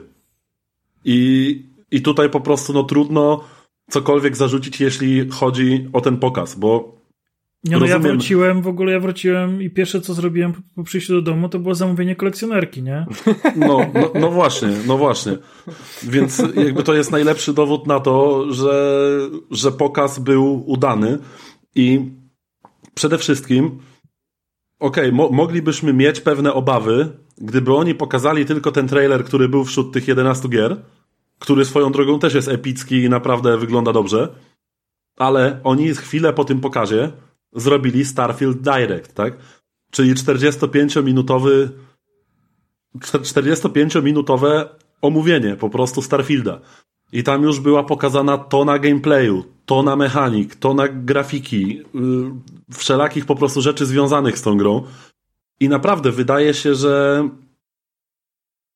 Bethesda jest naprawdę pewna swego, jeśli chodzi o Starfielda. Co ciekawe, to już przed tą konferencją właśnie jak się wypowiadał ten dyrektor Bethesdy, powiedział, mm. że zaprasza po mm, już poko, poko po, po tym e, Starfield Direct, e, żeby pogadać, zbić piątkę i jest bardzo ciekawy naszych opinii i ja skorzystałem z tego i złapałem go na korytarzu. E, mówię, słuchaj stary, masz, masz parę minut, bo, bo chciałem z tobą pogadać i faktycznie, kurczę, miał, miał chłop. Um, no, trzeba było nagrać, Tomek. No nie, jakby, nie, nie tak nie chciałem przesadzać. I zadają pytanie, bo ja mam straszną, e, straszny taki lęk przed Starfieldem, że ta gra będzie zwyczajnie za duża. Za duża. No. I podszedłem do niego i mówię, słuchaj stary, czy ty nie masz wrażenia, że trochę żeście przesadzili? że trochę to jednak jest za duże? No i on powiedział, że nie, no, że jakby faktycznie jest mnóstwo, mnóstwo tych rzeczy do robienia, ale że tak to zrobili, że wiele rzeczy jest opcjonalne i że nie jest wymagane bawienie się w to, żeby czerpać przyjemność z gry. I że, oczywiście to już było tak mocno kurtuazyjnie, ale powiedział, żebym dał mu znać, jak już sam zagram i, i ten. No, oczywiście nie mam jak mu dać znać, ale ale dam. okay. Trzeba powiedzieć, że e, zadzwonisz. No. Albo, albo przeze mnie. Przeze albo mnie, żeby posłuchał to. odcinka. zadzwonię do pana. E, więc, więc jestem ciekaw, bo, bo faktycznie bo, bo jest, tego, jest tego po prostu mnóstwo. Bazy na tych e, planetach, e, rozwój statku, rozwój załogi, e, no czego tam nie ma. Więc... Tak, no właśnie jakby ja pamiętam Tomku, jak my oglądaliśmy tego Directa i my momentalnie, ja pamiętam ten nasz wzrok, jak my spoglądaliśmy na siebie i po prostu kręciliśmy głowami z niedowierzaniem. My twierdziliśmy, że po prostu we wrześniu musimy sobie, nie wiem, złamać nogę albo coś i po prostu iść na bardzo długie zwolnienie, nie? Dokładnie. Bo, bo zwyczajnie ta gra się zapowiada naprawdę niesamowicie, zapowiada się epicko. E, jakby mogą sobie tam gadać w internecie, że 30 klatek, ale gówno i tak dalej. Ale poczekaj, no, poczekaj, poczekaj, poczekaj, po, tylko 10% tysiąca planet y, jest zamieszkałych, tak. nie? Widziałeś chyba mój komentarz, nie? Bo 100 zamieszkałych planet to jest zajebiście mało. Tak, tak, absolutnie. Poza tym już pomijam fakt, że jeśli chcą właśnie zachować jakiekolwiek znamiona realizmu w tym nasapanku całym, no to jakby ja nie wiem, czy najbardziej mnie rozbroił komentarz, no właśnie nie wiem, czy ty widziałeś, jak ja się wdałem tam w rozmowę z jednym gościem. Nie, nie, chyba, e, chyba miałem Koleś napisał, że coś tam 10% e, zamieszkanych planet, coś tam tysiąc. Ja mam to od kilku lat na PS4 w No Man's Sky. ja w tym momencie po prostu ja stwierdziłem, że ja nie będę sobie nawet strzępił mordy, bo jakby właśnie o to chodzi, że gdyby tam wszystkie planety były zamieszkane, to ten, kosmos, ten kosmos by stracił jakąkolwiek nawet iluzję tego, że to jest jakiś prawdziwy układ gwiezdny, tak? Dokładnie. Tym, tym no. bardziej, że w naszym układzie słonecznym chyba jest tylko jedna planeta, która jest zamieszkana, tak? No, no chyba. A reszta planet chyba, jest chyba. niezamieszkanych, więc... Nie mamy pewności, zresztą, ale... No, ktoś zresztą no, rzucił nie mamy komentarz. Pewności, ale... Ktoś zresztą rzucił komentarz na Facebooku, że to czekaj, weź mi przypomnij, na ilu planetach do tej pory znaleziono życie. no, no. E, ja w ogóle jeszcze, jeszcze mam pytanie, Tomku, w Finala 16 grasz w 30 grafika, czy w 60 brzydka grafika? Ja zawsze gram grafika. No, grafika, więc to też pokazuje, że w Starfielda każdy, jeżeli miałby opcję, to większość graczy i tak wybrałoby grafikę kosztem no, Szczególnie, klatek, że gra się ja prezentuje już. naprawdę nieźle. Jakby, oczywiście, wiadomo, to jest tak ogromna gra, że nie ma co oczekiwać tekstur na poziomie remake'u The Last of Us znaczy, 1. tak? Słuchajcie, no jakby, jakby są, są rzeczy ważne i ważniejsze. W taką grę, co Krystian wam nie chce powiedzieć, jak ona się nazywa, bo nie umie jej wymówić, gram w 120 klatkach i jest no tak. y, spoko, bo jest to online'owy shooter, ale y, w grze single player ja nie potrzebuję więcej niż 30 klatek. No dokładnie. E, do, powiedzmy... Dobra, panowie, bo musimy przechodzić dalej, więc e, kończcie ten temat, bo chcę okay. przejść dalej. No tak, w każdym razie na Starfielda bardzo mocno czekamy. Bardzo udany pokaz. E, mam nadzieję, Ogólnie... że Bethesdzie się wszystko uda dowieść, bo jeśli im się uda dowieść, to według mnie będziemy mieli jedną z najważniejszych gier ostatnich lat. Jeśli mam być szczery. Myślę, że to może być nowy Sky Skyrim. No, no. Że dokładnie. to będzie gra, która później będzie do nas wracać i wracać i wracać e, na kolejnych e, platformach, bo po prostu będzie tak zajebista, że będziemy w nią grać po prostu przez lata. Latami, tak. Szczególnie, że to jest Creation Engine starożytny, więc e, ja już sobie wyobrażam CJ'a w kosmosie, Shreka zamiast statku i tak dalej. Jakby czekam na to bardzo. No, dobra. E, ja więc... tylko e, jednym, jednym zdaniem jeszcze, jednym zdaniem. No. Jeżeli będziecie jeszcze mieli kiedyś okazję wybrać się na Xbox Fan Fest, to nie zastanawiajcie się dwa razy. To naprawdę była Absolutnie. impreza, e, jeżeli nie na światowym, to na europejskim poziomie, ale dla mnie było, było naprawdę rewelacyjnie. A wy dostaliście jak zaproszenie? Ale to szybko? Wygraliśmy. E, był przed mail do wszystkich jakby ludzi, którzy mają konto na Xboxie i można było się zgłosić i wygraliśmy. Mhm. Dobra, e, więc to tyle. E, słuchajcie, e, bo chcę jeszcze powiedzieć o tym demie, którym ogrywałem z Tomkiem, zanim przejdziemy do Diablo 4. E, więc słuchajcie, ja, ja troszeczkę się przygotowałem e, do tego dema, więc e, ja zacznę, ponieważ kolejną grą, o której dzisiaj sobie powiemy, będzie X-Defiant. Okej, okay. dobra. Jak, jakby ktoś nie usłyszał, nie będę powtarzał nazwy, nie będę jeszcze powtarzał raz, nazwy. Cisza, cisza, jeszcze raz, powtórz. Tak, nie będę powtarzał nazwy, więc powtórz jeszcze raz. teraz powiemy o X-Defiant. Okej, okay, więc słuchajcie, e, czyli można powiedzieć, taka, taka odpowiedź Ubisoftu na Call of Duty. No ja to tak widzę. Pograłem w to, długo nie pograłem, ale w to co pograłem... E, w to, co pograłem, to stwierdzam, że to jest odpowiedź Ubisoftu na Call of Duty i powiem wam, że bardzo dobrze. Bardzo dobrze. Bo pomimo tego, że te Activision kupi te Call of Duty i tak dalej, nie podoba mi się to, jak e, jedna gra tak dominuje, e, bo dla mnie to jest słabe. Zawsze to było słabe i fajnie, żeby Call of Duty dostało w końcu, żeby ktoś w końcu namieszał i moim zdaniem, no namiesza. Może nie jakoś mocno, na pewno nie na początku, ale namiesza. Namiesza, a wiecie, wiecie czemu namiesza? Ponieważ mam na e, e, znajomych, e, którzy grają FIFA Call of Duty i patrzę, i patrzę, a oni e, mają odpalone. I właśnie się zdziwiłem, że odkryli ten tytuł, w ogóle odkryli ten tytuł i zaczęli w niego grać. Więc może to namieszać, szczególnie, że dobrze wiemy, będzie to free to playka. Dobra, więc e, słuchajcie, o co chodzi? Dostajemy shootera, szybkiego shootera, dla mnie to jest arcade shooter, w którym po prostu trr, giniesz e, i po prostu respawn trwa jedną sekundę i robicie obiektywy, które są na planszy. Szybki respawn, szybkie strzelanie, e, giniecie co 30 sekund, co minutę, no, powyżej minuty to już jest całkiem nieźle. E, słuchajcie, w sosie Call of Duty, powiem więcej, może nawet nie Call of Duty, znaczy jest to Call of Duty, dla mnie jest to Call of Duty, ale są tam gry z Ubisoftu.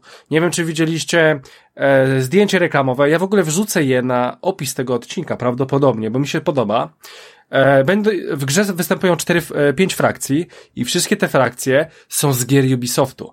Więc mamy w tej grze e, że tak powiem, zawartość z innych gier Ubisoftu, a będą to Splinter Cell, Far Cry 6, The Division, Ghost Recon, Phantoms, e, tu jest akurat napisane i Watch Dogs 2. I faktycznie takie elementy w tej grze są. Ja na przykład dostrzegałem mapy z Far Cry'a 6 w tej grze, dostrzegałem znaczek z Watch Dogsów, dostrzegałem właśnie niektóre postacie właśnie przebrane e, ale The Division, czyli takie maski gazowe i tak dalej, tak jak, tak jak były w The Division, więc po prostu mamy sos przejechane całe, całe, całe spektrum gier Ubisoftu w konwencji FPS-a la Call of Duty, tak? Eee, więc tak. No słuchajcie, mi się w to grało całkiem nieźle. Ja nie jestem takim wielkim fanem Call of Duty jak Tomek. Więc e, Tomek, e, ty możesz się więcej na ten temat wypowiedzieć, aczkolwiek dodam tylko, że no mi się w to fajnie grało, podobało mi się to, a za darmo to, to, to nawet będę myślę, że w to grał, kiedy to zacznie, bo to, bo to chyba dalej jest w early accessie. E, więc jedziesz Tomku. Jak wrażenia? Dziękuję bardzo. E, przede wszystkim chciałem powiedzieć, że wszystko, co powiedział Krystian, praktycznie jest nieprawdą. E, mianowicie e, ta gra w ogóle nie przypomina Call Ale poczekaj, poczekajcie, to widzicie? Chodziło właśnie mi o tego hipstera, tak? Chodziło mi o tego hipstera. No dobra, jedziesz Tomek, no. Właśnie, to, to absolutnie nie jest Call of Duty, tak? Bo y, ludzie przyjdą, pomyślą, o, Call of Duty za darmo. Nie. Call of Duty poszło zupełnie w inną stronę. E, nowe silniki y, graficzne, e, najpierw jedynka, teraz dwójka, e, przybliżają Call of Duty do realizmu. E, do tego, żeby zmiany magazynków były poprawne, odgłosy broni, odrzutu i tak dalej. Oczywiście wszystko to jest później dostosowane do Warzona, e, który tak naprawdę jest od, już od jakiegoś czasu głównym daniem Call of Duty. Wcale nie ta e, pełnoprawna odsłona, tylko, tylko darmowy. Poczekaj, poczekaj, poczekaj. No dobrze, mi Call of Duty, to co ja kojarzę z Call of Duty jest to, że w stosunku chociażby do Siege'a, który moim zdaniem jest bardziej realistyczny, Call of Duty ma bardzo szybki gameplay.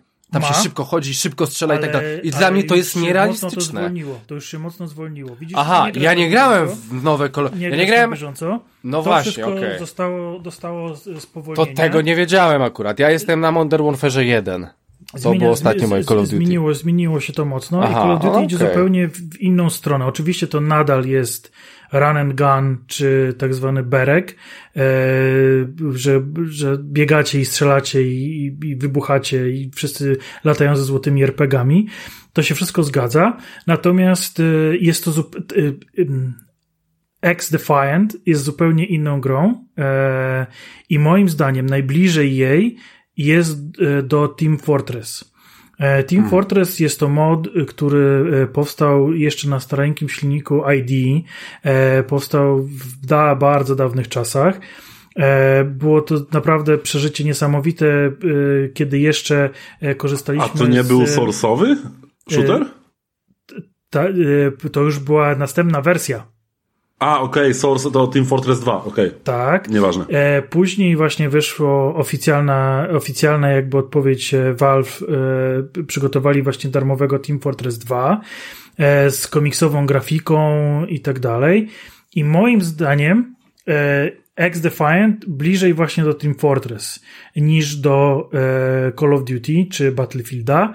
E, Fakt jest szybka śmierć, szybkie odrodzenie, natomiast e, tryby rozgrywki i to, co robią postacie, bo to, że faktycznie są te frakcje, które Krystian wymienił, powoduje, że każda z tych postaci jeszcze w ramach frakcji ma do wyboru jedną z dwóch umiejętności. Tak, One tak, mają tak. też inny ult, e, który jest ładowany zazwyczaj na tyle, żeby wykorzystać go raz e, na rundę jakby taka specjalna umiejętność, więc te frakcje mają jakby określone jakby mm, rolę w zespole, że ktoś jest medykiem, e, ktoś jest tankiem, stawiając na przykład taką energetyczną no dobra, to jak... ścianę łapiącą, e, łapiącą pociski, e, ktoś znika, ktoś pokazuje wrogów na mapie i tak dalej, i tak dalej. Jest to zupełnie co innego niż Call of Duty e, w rozgrywce, plus same tryby rozgrywki, w tym bardzo popularne przepychanie, e, no tutaj jest taki mechaniczny, mechaniczny robot, tak, koń tak. czy jakieś inne zwierzę, z mm, amunicją. E, bardziej zdecydowanie pasuje mi do tego, co pokazywało Team Fortress 2, e, z też z tymi punktami takimi, w których, które jakby trzeba do nich się dostać, że e, że jakby macie taki save point, że ileś tam mapy przeszliście już ten e, e, robot wam się nie cofnie za ten punkt. Więc to wszystko zupełnie zmienia, zmienia obraz gry. Mm, broni w becie są dostępne wszystkie od razu i są dostępne do nich wszystkie dodatki, które najprawdopodobniej wylądują w pełnej wersji. E, więc można się było naprawdę, można jeszcze chyba. E, można, można. Do, do kiedy ta beta jest, ale jeszcze można. E, można naprawdę sobie wszystko przetestować. Strzelanie jednak jest mocno arcade'owe. Strzelanie widać, że gdzieś tam jest oparte na tym, co zostało wypracowane w The Division 2.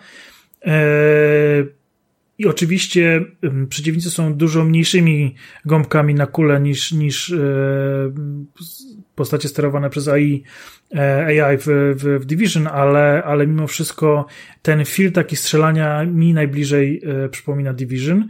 Mm, więc no Ubisoft po prostu zrobił coś fajnego ze swoich marek. E, I tak nie tylko są właśnie mapy z Far Cry, ale właściwie wszystkie mapy są inspirowane z którąś z gier, tak, e, z tak, której tak, pochodzą te postacie, e, frakcje. Co ciekawe, każda postać, niezależnie od frakcji, może e, używać dowolnej broni.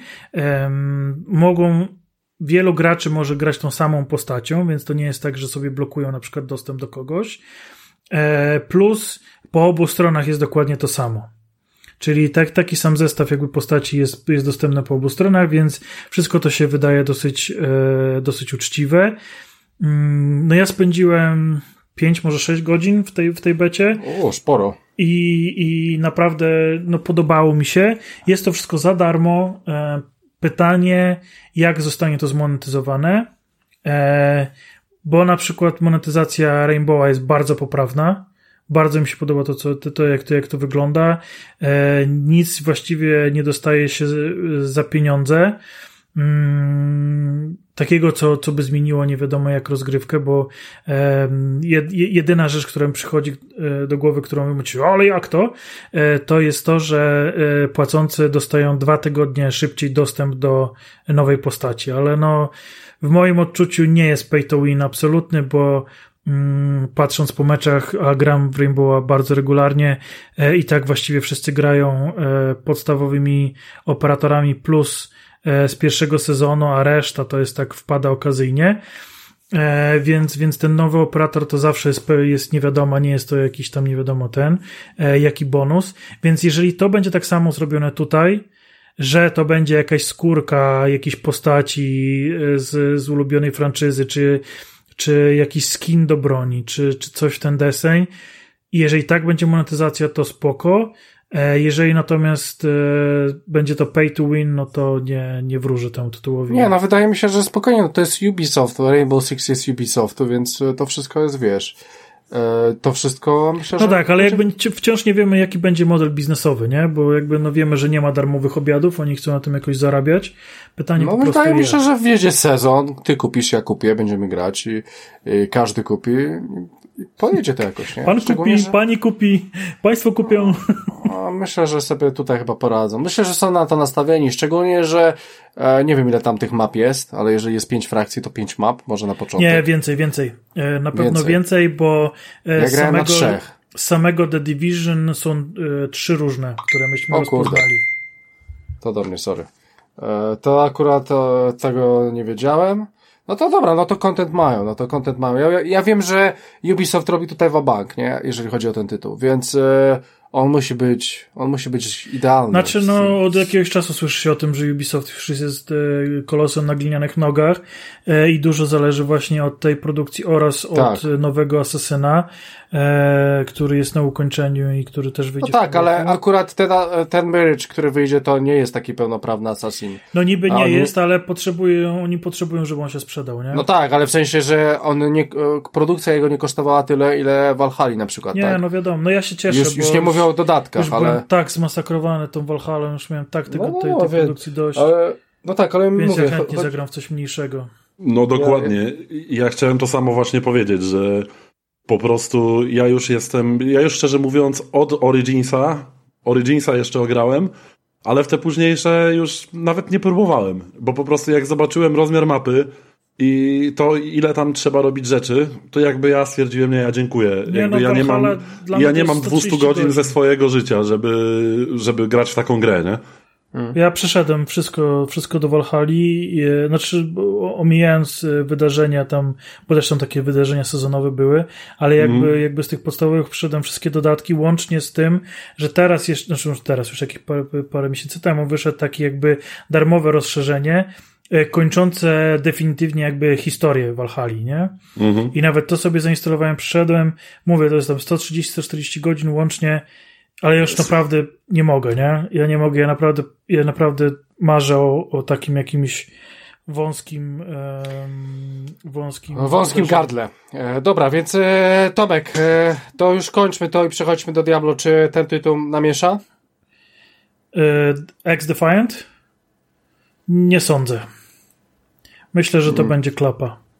Czyli mówisz, że za rok zamkną serwery w, w pozytywnym e, myśleniu, tak, bo ja obawiam się, że szybciej. O kurde, no dobra, to ciekawe. To ciekawe. No dobra, e, fakt, faktem, że rynek jest przesycony w sumie e, tymi usługami, grami z usługami z Season Passem i w sumie takim Season Passem e, będzie również, e, słuchajcie, nowe Diablo 4. Już w lipcu wychodzi pierwszy sezon w Diablo 4. No dobra, więc panowie, przechodźmy do tematu głównego Diablo 4. E, Mikołaj, e, zacznij ty.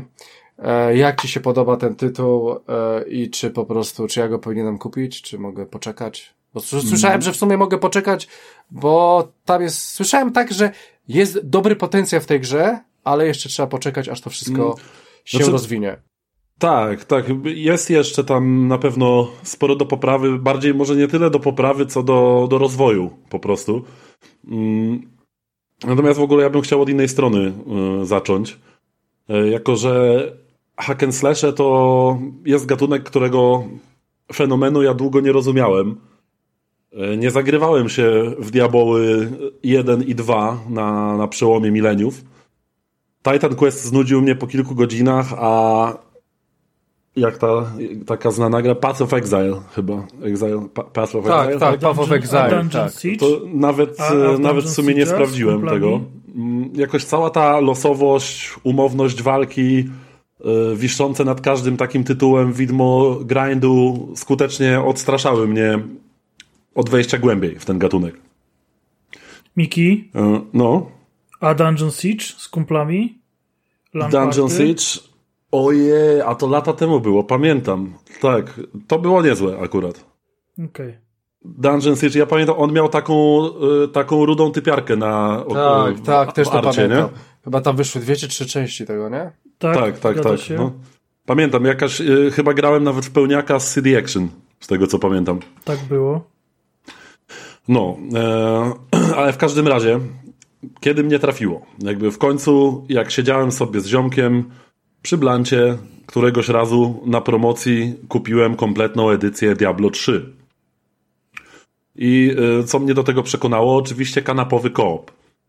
Mm, I w towarzystwie nagle się okazało, że kolejne godziny, w kolejne wolne dni znikały nam jak kolejne gry z dysku Tomka Zawadzkiego, niemalże.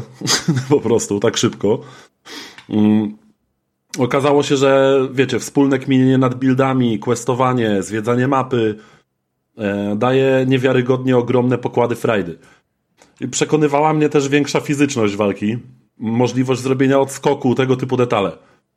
Kupiła mnie nawet oprawa w trójce i stylizacja trochę w klimacie trzeciego Warcrafta, którego kocham całym serduszkiem.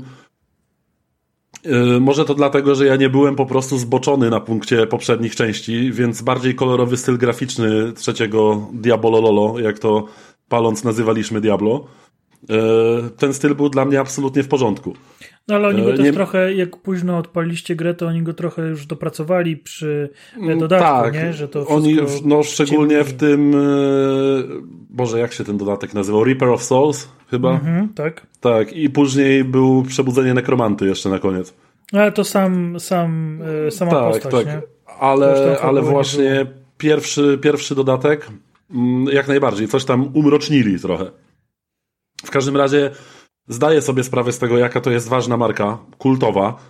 Dla, dlatego też e, zachęcony tą poprzednią odsłoną i chętny sprawdzenia, w jakiej formie wraca do nas po 11 latach nasz znajomy diabeł.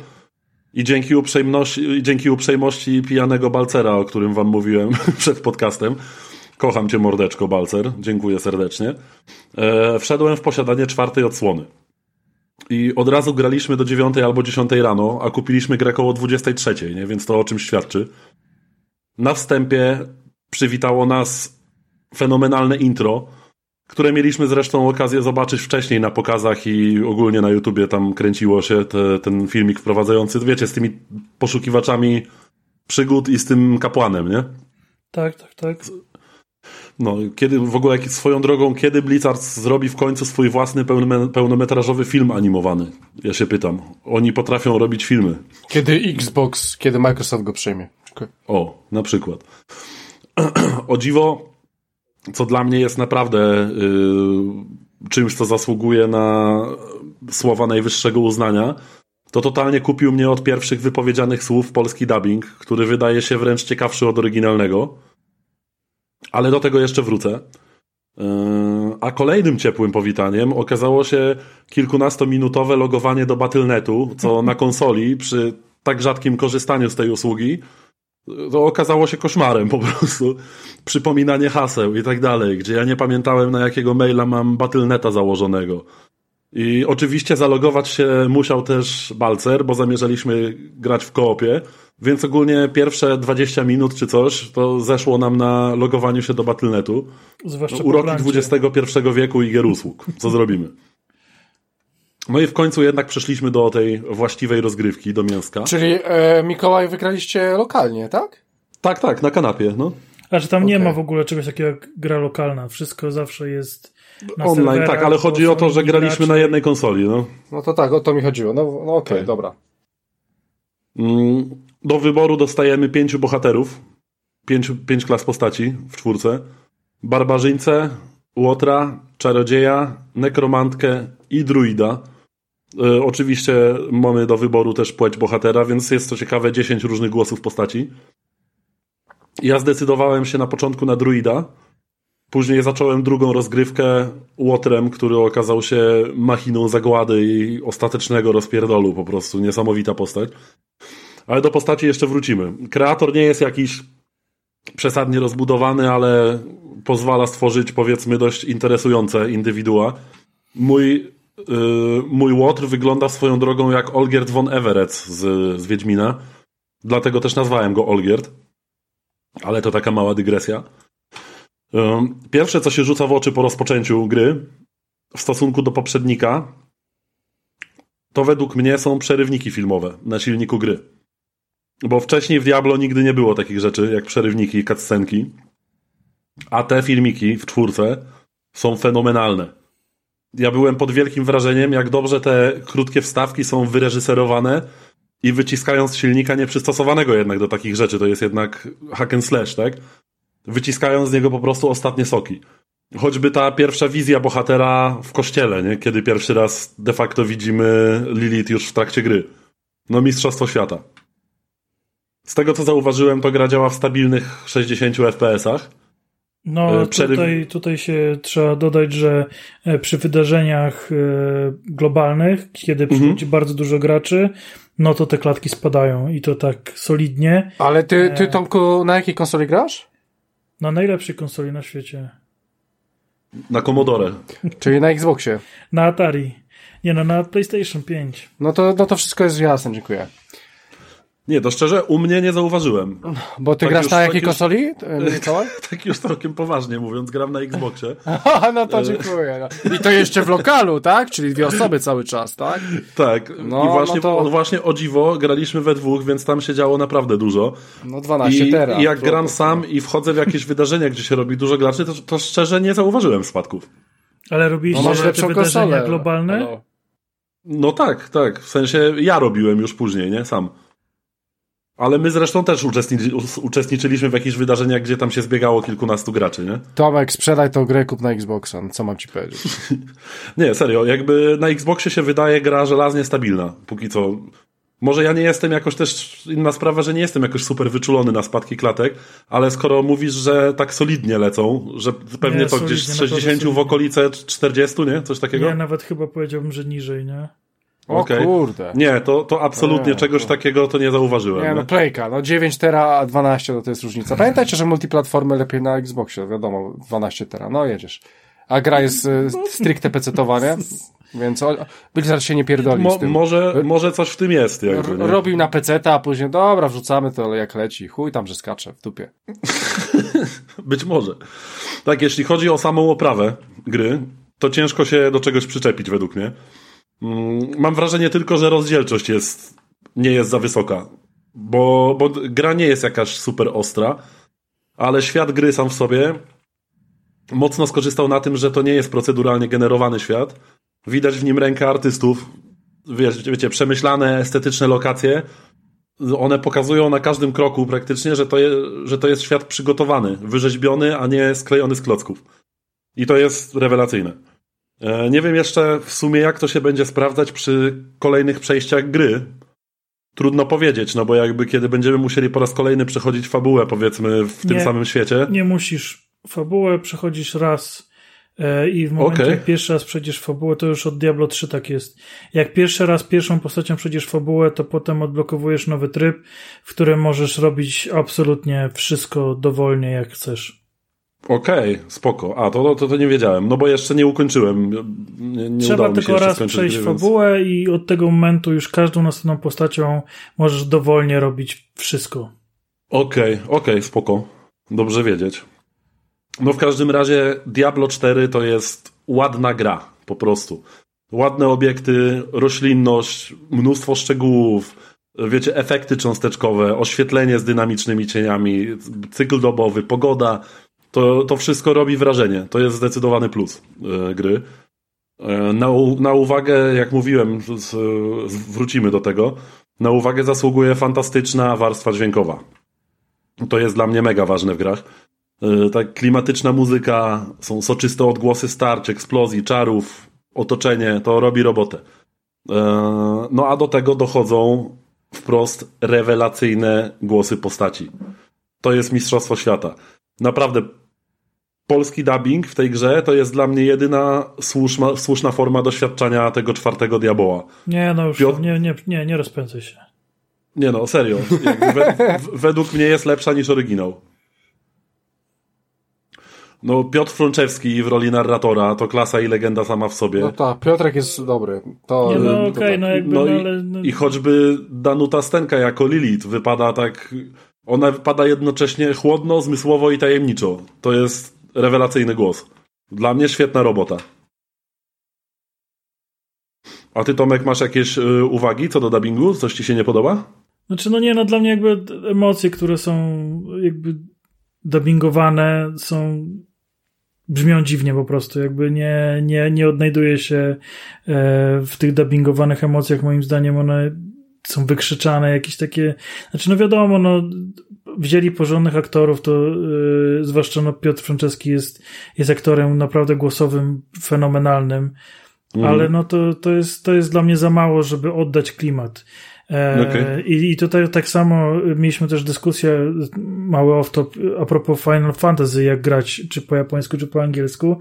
I muszę przyznać Krystianowi rację, że też zmieniłem z japońskiego na angielski bo jednak ten japoński nie, nie siedział mi. Ja, ja a widzisz, widzę, a to, widzę, jest, to jest super, to jest widzę, super. Widzę postać i, i słucham jej i albo mi to siada, albo nie no polskie dubbingi mi właściwie nie siadają. Poza Wiedźminem e, nie, nie siadają no, i nawet mi generalnie cyber, też, wiesz Nawet o tym, Cyberpunka jakby... też chciałem zagrać po polsku, nie. ale nie, nie dałem rady. Nie dałem rady, przyłączyłem bardzo znaczy, szybko. Znaczy wiesz, jakby w Cyberpunku to przede wszystkim chodzi o to, że Night City jest po prostu kulturowym tyglem, tak? To jest właśnie jakby jednym z bardzo ważnych elementów kolorytu tego miasta, to jest ta mnogość akcentów, mnogość jakichś tam kultur różnych, które się przenikają w tym mieście i nagle kiedy y, Haitańczycy, y, Chińczycy, Japończycy i Latynosi wszyscy mówią poprawną polszczyzną, no to po prostu to miasto traci całkowicie według mnie swój sens i urok, tak?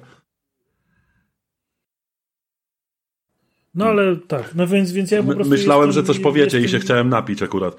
No ja akurat e, nie biorę udziału w dyskusji. Nie, nie, nie, spoko. Znaczy jakby yy, doceniam. Ja wiem, że, że dla wielu jakby graczy to, że można to usłyszeć po polsku jest yy, fenomenalne i oni, i oni tego oczekują i, i chcą tego i, i się tym jarają. No ja po prostu do tej grupy nie należę. I... Ale Czyli to, to gra, grasz ale... po angielsku, czy... Oczywiście, że tak, tak. Ale to, okay. to też jest Tomku dziwne, bo na przykład nie wiem, czy pamiętacie genialny dubbing w Baldur's Gate 2, gdzie powstało e, nasze no, sformułowanie, że przed wyruszeniem w drogę należy tak. zebrać drużynę. Po angielsku to brzmi inaczej. E, I też są takie fajne zaciągnięcia właśnie językowe, czasami w grach. Więc e, twoje negowanie na polski, bo polski, Wydaje mi się, że. Ale to nie jest może, tak, nie, to po Możesz tra tracić niektóre fajne rzeczy, które są, na przykład nawet w głupim Wiedźminie, tak? Pewnie grałeś no, po polsku Wiedźmina, nie? nie? No, Wiedźmin, Wiedźmin to akurat... No ale widzisz, no a jednak robisz wyjątki od reguły, więc... E, znaczy no, ja odpaliłem i, i stwierdziłem, że to nie jest to, że po prostu to Nie, no spoko, nie brzmi, pe pewnie, pewnie, no jak, jak ci nie brzmi, nie brzmi, chociaż ja pamiętam, że jak się zagrywaliśmy w dwójkę, bo ja też grałem tam dziesiątki godzin w dwójkę, no to miałem polski e, dubbing i po prostu się do tego przyzwyczaiłem, e, do tych polskich. Znaczy, ja w ogóle, tak jak Tomek, rzeczy. zazwyczaj unikam jak ognia polskich dubbingów, bo zwyczajnie przeważnie wolę po prostu odbierać grę tak, jak ją twórcy sobie powiedzmy gdzieś tam wymyślili mhm. i nie wyobrażam sobie grać, nie wiem, The Last of Us po polsku na przykład. No to jest The dla mnie nieporozumienie całkowite, nie?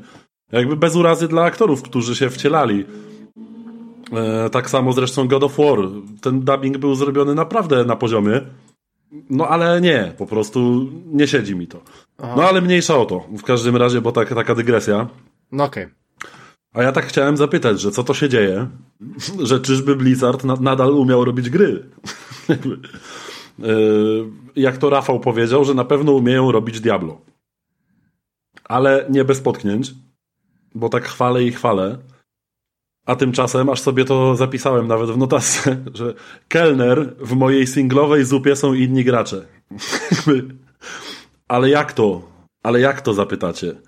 No srak to, Diablo 4 to jest gra usługa i nie ma możliwości uruchomienia gry, kiedy nie będziemy mieli internetu. Nie dość, że musi, że jakby mamy cały czas innych graczy, to jeszcze nawet nie ma opcji uruchomienia gry w trybie offline dla pojedynczego gracza. Jakby nie ma możliwości grania samemu i regularnie natykamy się na mapie na wszelkich Bartusiów, zabójców 69.pl czy innych śliskich staszków. No nieładnie Blizzard, bardzo nieładnie. Ale dobra, a czy wiemy czemu? Jak to czy wiemy czemu? No ja właśnie, właśnie czemu ja tak się dzieje? czemu. No ja właśnie mam pewnego rodzaju, Żeby... mam dwa żeby, Spo, żeby mam, wszyscy, mam, wszyscy, mamy dwie. mają kumpli, mogli y, pograć y, w kopie i żeby można było bić world bossów, bo Diablo takim jest troszkę łącznikiem e, między właśnie hack and slashami a MMO. No i właśnie jakby to jest dla mnie chyba największa wada tej gry. No dobra, a ja mam akurat dwa inne spostrzeżenia, czemu tak jest. No to słucham. E, pierwsza rzecz, e, ponieważ e, Diablo, jak wiemy, dwójka przynajmniej, nie wiem jak trójka, bo trójki się tam, no już nie miałem czasu, żeby grać tyle w trójkę. Było bardzo mocno piracone ogólnie, wszystkie te boty, nie boty, map haki i tak dalej, więc stwierdzili, że to ma być zawsze online. Tam nikt do tego ma się nie dobierać, że to ma wszystko być po, przy firewall, przy firewallach i tak dalej i dlatego stwierdzili, że musi być to online, non-stop to, to mam taką jedną teorię spiskową. Drugą teorią spiskową jest troszeczkę inna, e, ponieważ jak wiemy, Diablo będzie miało płatne dodatki. Niektóre bardzo drogie dodatki, o czym mam nadzieję, że powiecie. E, nie wiem, czy sklep już jest. Jest sklep już od, odpalony, działa, można kupować rzeczy? A ja nawet był, nie Był sklep odpalony, ale od premiery e, wisiała informacja, e, że jeszcze nie polecają kupować, bo są jakieś problemy z tym sklepem. Dobra, okej. Okay. Faktem jest, że będą, oczywiście będą season pass i tak dalej, ale będą też sklepy, w których na przykład jedna zbroja będzie kosztowała 100 zł. I ludzie będą kupować te e, rzeczy, wy będziecie oglądać te rzeczy, wy będziecie zazdrościć, wy będziecie patrzeć, kurwa, ale zajebiste, ale bym sobie z czymś takim pograł. Ja, ja nie. I to okej. Okay. Okej, okay, ty nie, a ja znam takie ja osoby... Jakiś, co ja od jakichś 10-12 godzin generalnie sobie zrobiłem po prostu transmogryfikację na swoich ubraniach i biegam ubrany praktycznie tak samo, nie? To ja okay, ty, tylko... umiem, umiem bo tak samo jest. Tylko po prostu mówię, że e, wy będziecie wyglądać jak jakiś e, wieśniak ze wsi, a oni będą wyglądać, niektóre osoby wydające hajs będą wyglądać zajebiście, tu się świecić, tu jakieś, jakieś skrzydła będą nad nimi, czy chuj wie co, e, jakieś, e, nie wiem, e, e aury, nie aury będą się świecić albo jeździć na rumakach, cokolwiek wymyśli Blizzard, co będzie płatne. I dzięki temu będziecie Będziecie no, mieli tak, taką ja, ja małą to, ochotkę. Ja rozumiem. Kurde, ja może rozumiem. sobie kupił coś, bo kurde, tak fajnie Krystian, to wygląda. Ja to rozumiem z punktu biznesowego, jak najbardziej. No nie, chodzi, to co mają takie dwie teorie spiskowe, mi, nie? Nie wiem jak jest. Nie odbieranie, wiem, mi tak tej, jest, ale... odbieranie mi tej decyzji, no. że to ja jestem graczem singlowym, tak? I ja nie lubię, jak mi się jakieś właśnie Bartusie zabójcy 69.pl mi się pałętają po mapie, bo po prostu ja chcę tego świata doświadczać um, po swojemu, jakby mieć, w ogóle przede wszystkim mieć możliwość zapauzowania zasranej gry, jak, yy, jak chce iść, nie wiem, się odlać czy coś. Ej, ale A dobra, faktu... ale, ale w takim razie e, jak e, chodzicie, jak oni są w grze, to oni są wszędzie, czy tylko w nie, hubie? Oni są tam? jakby, nie, nie, oni są wszędzie, mogą Czyli się trafić... Mogą cię śledzić przez całą twoją rozgrywkę? Tak, mogą iść koło ciebie po prostu. No. no to okej, okay, no dobra. No to Tylko, tak że to jest tak, że o, ja, ja zauważyłem, że to działa w ten sposób, że ty się, oni się pojawiają mhm. y, koło ciebie i jak się miniecie i on ci zniknie z ekranu, to ty już go prawdopodobnie nie znajdziesz. Mhm. Nie, bo to oni nie, są jakby... pobiegnie, nie, nie, bo was wrzuca na jeden serwer. E, no. I tylko, że serwery są dużo mniejsze na przykład niż w World of Warcraft, tak? Ale no wrzuca was na jeden serwer i teraz, y, jeżeli za nim pobiegniesz, to go zobaczysz. No tak. To, to nie okay. jest tak, że on ci zniknie i jakby. Przed, ja, ja miałem wrażenie, że to jest takie instancjonowane, jakby trochę. Nie, nie. Nie, nie, nie, nie, nie. Spokojnie, bo okay. było tak w, w, pewnym momencie, że y, z jednym gościem żeśmy akurat robili podobną krainę i praktycznie ciągle, ciągleśmy na siebie wpadali i, i sobie pomagali przy jakichś tam y, wydarzeniach takich na mapie. Aha, okej. Okay. Znaczy mówię, jakby nie, nie twierdzę, że nie ma to dobrych stron ciekawych, tak? Bo na przykład zdarzyła mi się sytuacja, że właśnie robiłem jakieś wydarzenie niskolevelowym młotrem i dostawałem łomot, a zostałem uratowany przez innego gracza, który wpadł i pomógł mi rozgromić moich oprawców, nie?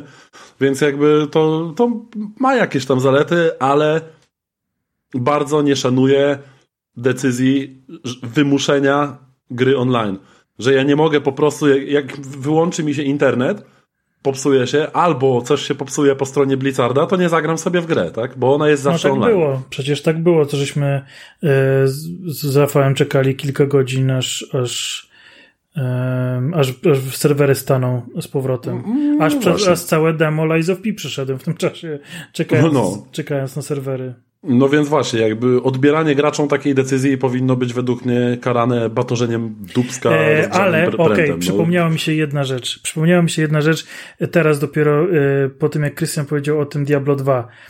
Piracenie to było jedno. E, Blizzard chciał walczyć z tym, że ludzie w Diablo 2 e, t, t, specjalnymi oprogramowaniami dodawali sobie statystyki i przedmioty.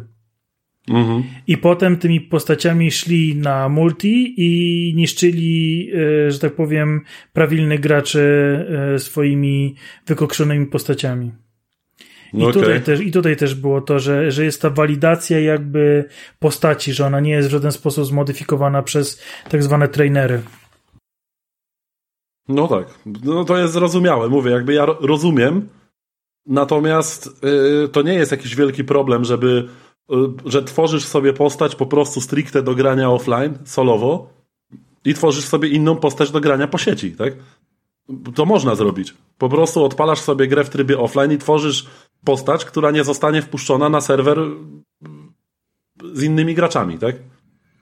I tak chyba było. E, też, no była taka, właśnie... też była taka opcja właśnie w Diablo, ale tylko w Diablo 2, bo już w trójce tego nie było. Więc że, właśnie nie rozumiem tego. Że właśnie można no. było stworzyć postać, która była wyłącznie lokalna i nie można nią było wejść do multi. No, no, no, no.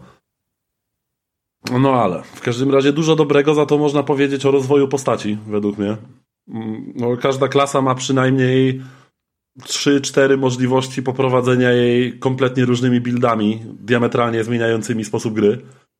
Przykładowo Łotra możemy sobie ułożyć pod trafienia krytyczne, które nas leczą i walkę na odległość, albo strzelectwo, ale bardziej w formie shotgunowej, z dużym rozrzutem.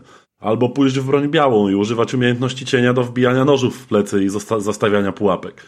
Jakby możliwości są ogromne, więc każda klasa po prostu ma dużo, dużo możliwości. Yy, gra pozwala nam w każdym dowolnym momencie całkowicie zresetować za grosze yy, wszystkie wydane punkty i zachęca do eksperymentowania z różnymi wariantami naszej postaci dzięki temu. To jest zawsze warto właśnie nadmienić, że nie, nie bójcie się eksperymentować w Diablo 4, bo w każdej chwili możecie sobie po prostu postać przepisać od nowa. Drzewko talentów jest ogólnie podzielone na takie kilka, nie wiem, pięter, tierów, tudzież klas umiejętności i każde kolejne pięterko odblokowuje się po wydaniu odpowiedniej ilości punktów w poprzednie pięterko. Mm, według mnie też bardzo dobrym pomysłem było ograniczenie lokalnego koopa do dwóch graczy, bo w trójkę mogliśmy grać chyba we czwórkę nawet, nie? W cztery osoby nie, przy jednej nie konsoli. Pamiętam, nie pamiętam. Trzy albo cztery w każdym też razie. Też zawsze grałem w dwójkę. No, ale w każdym razie tutaj ograniczyli to do dwóch graczy maksymalnie mm, i to miało bardzo sens jakby z perspektywy projektowej, bo dzięki temu każdy ma dostęp do ekwipunku i statów po swojej stronie ekranu. Czyli nawet kiedy przykładowo Balcer dłubał w nosie albo w buildzie sobie, czy w ekwipunku, to ja holowałem go za sobą, idąc do celu misji, bo jego postać się teleportowała za mną, albo po prostu sama podążała za mną razem z krawędzią ekranu. Proste i genialne. Y, warto wspomnieć, że pecety zostały lokalnego koopa pozbawione. No, to, to jest już, dziwne. To jest, y, że tak powiem, już znana y, taktyka. Wiele, wiele gier koopowych z jakiegoś powodu na PC nie ma tej funkcjonalności.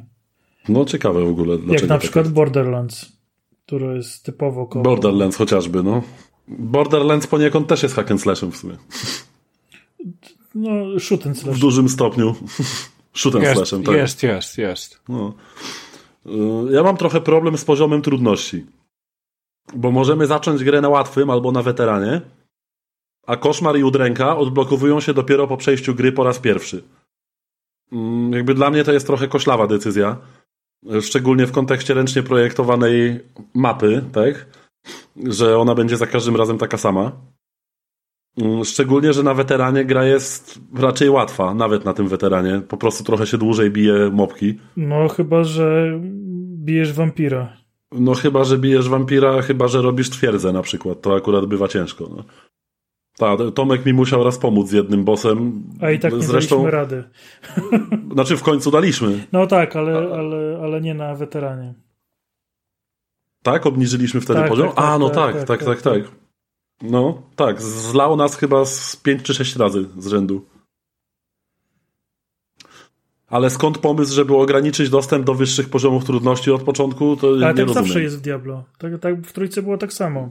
No tak, ale I to nadal jest głupia decyzja według mnie. Właściwie od jedynki. No, ja myślę, że to jest taki trochę y, legacy, nie? Jakby takie Boże, brakuje mi. Czy wiem, że tak było zawsze i tego nie zmienili po prostu. Tak, tak, tak, także to jest coś, co, co tak robili.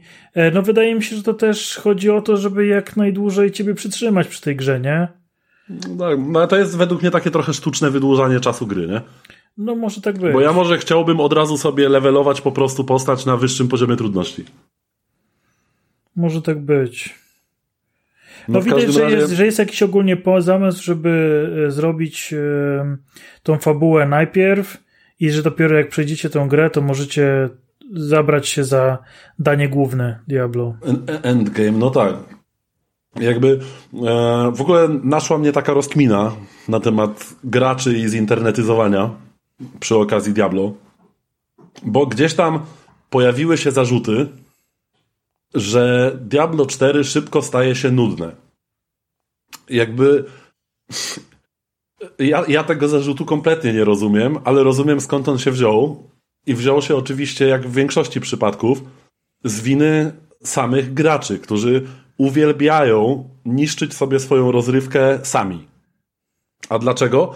Bo przykładowo, pieje taki koleś, że mm, Diablo 4 mu się nudzi, a od samego początku gra krok po kroku, co do punkciku, metabuildem, którego po prostu robi sobie bez najmniejszego pomyślunku, bo jakiś streamer po prostu zrobił sobie takiego builda i on gra tym buildem, bo tak, bo to jest meta build, on jest po prostu najmocniejszy, tak? I robi największy damage, powiedzmy. I jak debilu ma dla, dla ciebie ta gra się nie stać nudna, skoro nie wkładasz w nią nawet jakiegokolwiek zaangażowania, tylko po prostu przepisujesz pracę domową, tak? Jakby dla mnie właśnie jednym z meritum tego typu gier to jest właśnie bawienie się buildem, znajdowanie, odkrywanie tych synergii. Yy, gdzieś tam po prostu yy, błądzenie trochę po tej grze.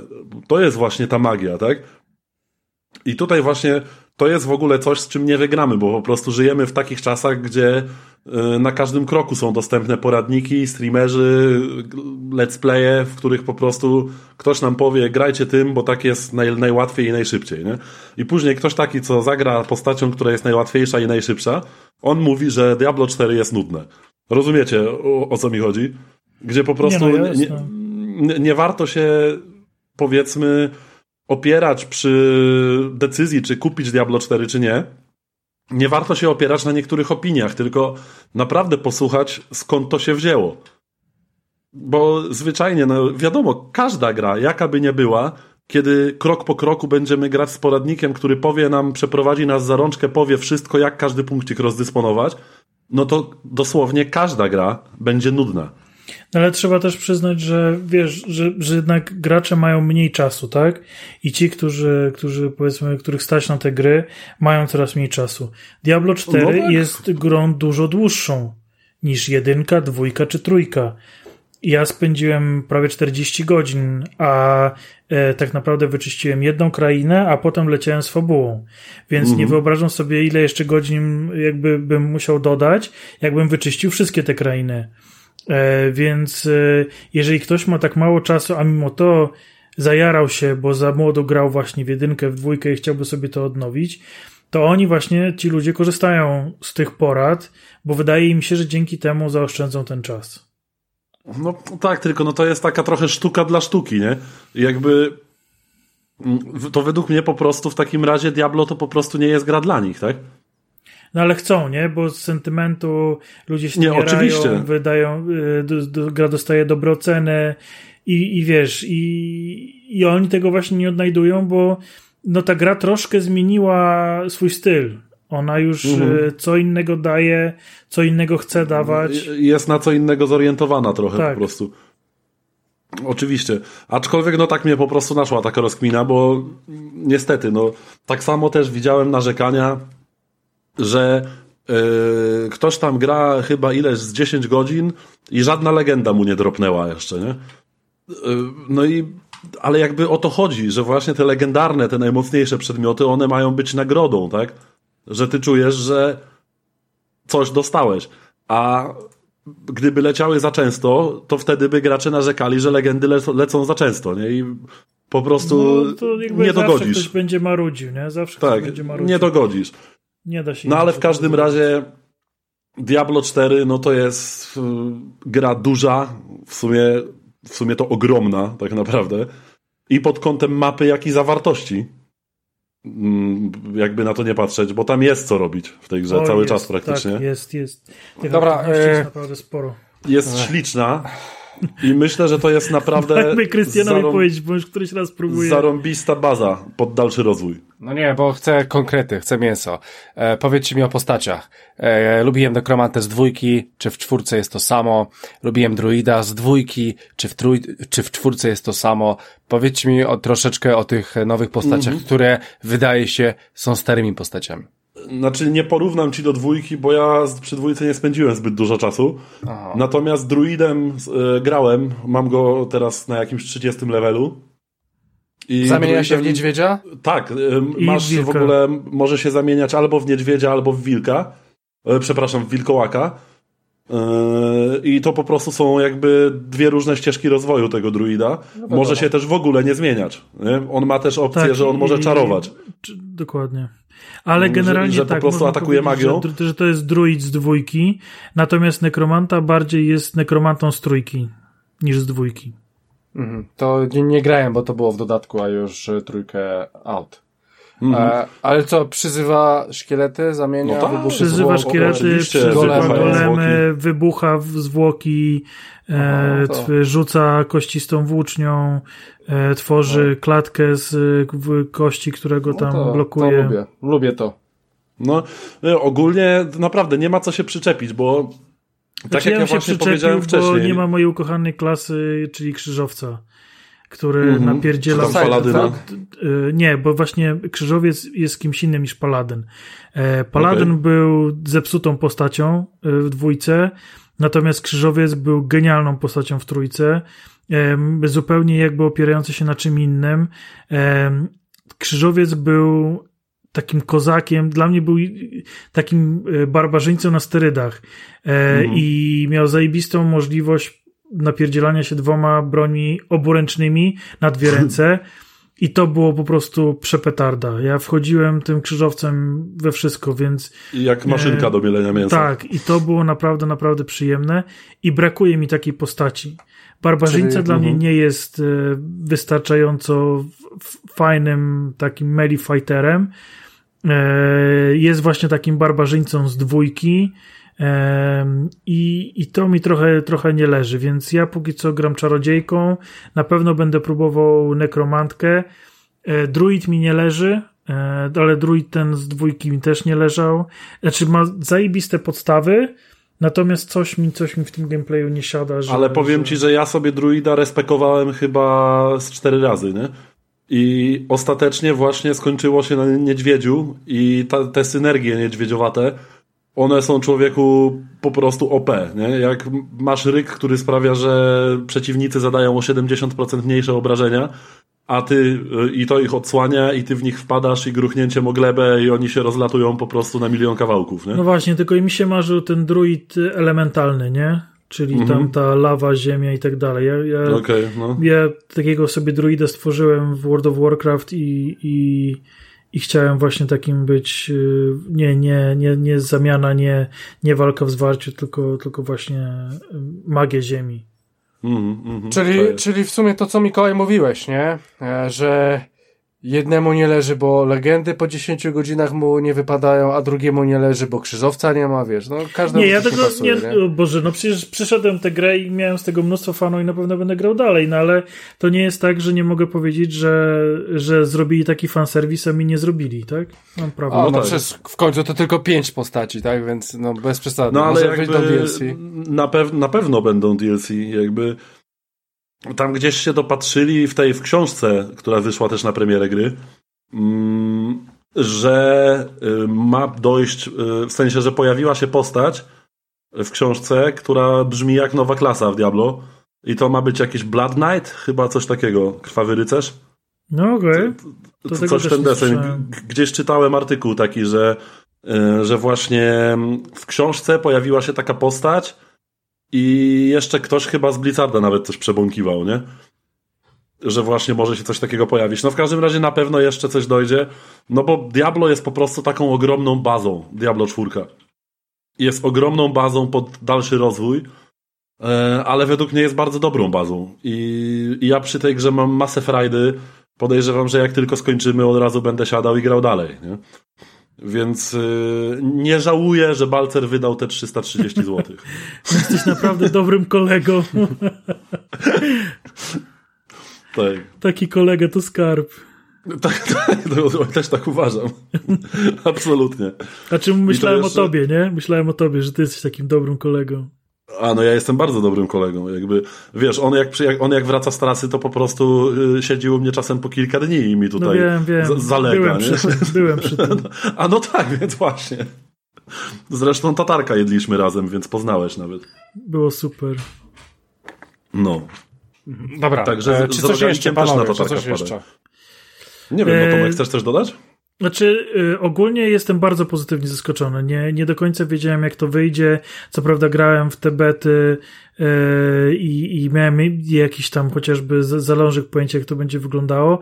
Nie byłem jednak do końca pewny, czy to w całości pyknie. Moim zdaniem pykło zajebiście. No, absolutnie. faktycznie zrobili kawał dobrej roboty, e, zrobili super pracę domową. E, myślę, że moje wszystkie zarzuty związane są z tym, że ja nie jestem fanem dwójki, a ewidentnie to jest ukłon w stronę fanów dwójki. Jednak to, co zostało przeniesione Nawet stylistycznie. Nie? To, co mi leży, to, co mi leżało jakby w trójce tutaj jest. E, ja się naprawdę bawiłem w to e, świetnie, spędziłem przyjemne 40 godzin e, na tym, żeby poznać fabułę. Uważam, że fabuła jest genialna, jest od razu przygotowana na dalszy ciąg. Ja jestem bardzo podekscytowany na dalszy ciąg. Podoba mi się ilość lore, które, które pojawia się tutaj w, E, w czwóreczce. Dużo jest odnosień, odniesień do Horror Dreamów. E, podoba mi się to, co zrobili z mm, jakby panteonem e, diabelskim bo też jest, też jest tutaj sporo informacji, jak to, skąd ta Lilith, jak to wygląda, jak, jak, jak No to i sama, sama Lilith jest w ogóle według mnie fajnym przeciwnikiem, że momentami wręcz wydaje się dobrze umotywowana w tym, co tak, chce zrobić. Tak, tak. I zresztą no, e, przekonuje ludzi tak, do, swojej, do swojej sprawy. Nie tylko jakby e, ich morduje, ale też e, przekonuje do siebie, więc jest to bardzo ciekawe. Ponadto podoba mi się, że jest bardzo dużo informacji o tym w ogóle, jak powstało e, Sanktuarium, czyli świat w mhm. którym rozgrywa się Diablo. E, Mitologii takiej trochę. Tak, tak, tak, ale jakby samego świata, nie tylko e, właśnie, bo, bo, bo osobno jakby liczę, że, że co tam się dzieje w tym w piekle, ale mhm. też w ogóle jak, jak wygląda całe to powstanie sanktuarium, dlaczego powstało. Jest mnóstwo informacji na ten temat. Ja uwielbiam takie smaczki w grach i tu jest mhm. to bardzo dobrze podane. E, to, co mówiłeś, przerywniki filmowe, czy to full cinematic, czy robione na silniku gry, zajebista robota. No naprawdę, tak. naprawdę widać, że się przyłożyli do tego, że tutaj e, nie pozostawiali niczego przypadkowi. Tak, te, też nie, nie jechali na sentymencie, nie jechali na marce po prostu, tylko naprawdę postarali się o to, żeby kultowa marka, kultowa seria wróciła w naprawdę dobrej formie. Tak, E, przyznaję, że mi też przeszkadza to, że trzeba być zawsze online. No i, i, i tyle, myślę. Mhm. E, jeszcze chciałem się dopytać, e, bo ty Tomku mówisz, że czyściłeś mocno pierwszy akt. Słyszałem takie... Pierwszą krainę, nie akt, bo to, jest, krainę, tak, tak, tak. to jest różnica. No dobra, no, no okay. No nie, no nie dobra, bo mapa jest otwarta i ty możesz i w pierwszym akcie pójść na sam koniec mapy, tak? Dokładnie. Jakby, bo właśnie to też warto wspomnieć, że tutaj nie ma po prostu ekranu akt drugi i masz kolejną mapę, tylko ty masz od samego początku totalnie otwarty, gigantyczny świat i masz akty w formie głównych zadań w dzienniku. I po prostu mm, akt to jest po prostu linia questowa, tak? To jest długie zadanie po prostu. Mhm. Dobra, e, nieważne. Niech będzie akt, kraina, chuj mnie to obchodzi. To w ogóle nie, nie, nie ma znaczenia. Tomku, e, bo ty więcej pograć, chociaż ty może też Mikołaj będziesz wiedział. Słyszałem taki zarzut, że aktywności poboczne, bo są misje poboczne, są dosyć słabe nagrody za te misje poboczne, więc nie ma sensu w ogóle ich robić. Jak jest w rzeczywistości? To zależy, myślę, bo w znakomitej większości nagrodą jest złoto, doświadczenie i skrzynka z jakimiś surowcami. Tak. A mnie osobiście surowce się na przykład przydają, tak? Jakby mi ciągle brakuje surowców do robienia eliksirów, czy do ulepszania przedmiotów i tak dalej. A to są takie, takie lootboxiki mini dostajesz, nie? Za, e, za tak, one są, są, są różne. Czasami są to e, roślinki do, do potionów, czasami są to e, kryształy, t, e, które potem można wsadzać w bronię, w zbroje i tak dalej. Różne e, są te nagrody, no. Więc, e, więc faktycznie ja nie narzekam, bo, bo, bo yy, dużo gorzej wspominam właśnie nagrody w postaci jakiegoś niebieskiego miecza, to jednak te. Mm, te lootboxy właśnie yy, z, z przyprawami czy z, innym, czy z innymi tego typu gadżetami no, siadają mi bardziej, właśnie... bardziej mi pasują i, i uważam, że są dużo lepsze. Mm, natomiast... Ale to jest pewnie narzekanie tych ludzi, którzy twierdzą, że za rzadko im lecą legendy i oni by chcieli, żeby kurde pomarańczowy przedmiot im z pobocznego questa polegającym na użyciu emotki wypadał, tak? No Możliwe, jakby, że tak jest. Znaczy no, nie wiem, ja, mi, mi te questy siadły. E, wiadomo, tak, szczególnie, że, że niektóre że są, są naprawdę ciekawe w ogóle. Są, są, są różne, są e, takie typowo jakby jednorazowe e, akcje, tak jak właśnie Mikołaj wspominał, że, że trzeba znaleźć jakiś tam e, pomnik czy, czy, czy, czy figurę i przed tą figurą się tam pokłonić albo usiąść, albo pierdnąć, e, ale są też takie, w które no, się wciągają, są wielopoziomowe, jak na przykład egzorcyzm, który można też było i w becie ograć. Tak. które no już, już naprawdę dodają swoje jakby, swoje przeżycia i swoje, swoje jakieś tam doda dodatki fabularne. Mini więc, fabułki, tak. No. Jeszcze też w ogóle warto... sporo. Y, warto wspomnieć o tym, że niektóre zadania są takie, na przykład było takie zadanie z drwalem, nie wiem czy pamiętasz. Tak, było, było, było. Z toporem i jakby później się trzeba było odzyskać topór jakiegoś mordercy, który grasował w okolicy i jakiś czas później się natknąłem na, w innym miejscu w ogóle na zadanie związane z tą samą postacią i okazało się, że on zupełnie inaczej wyglądał ten drwal niż sobie wyobrażałem, nie?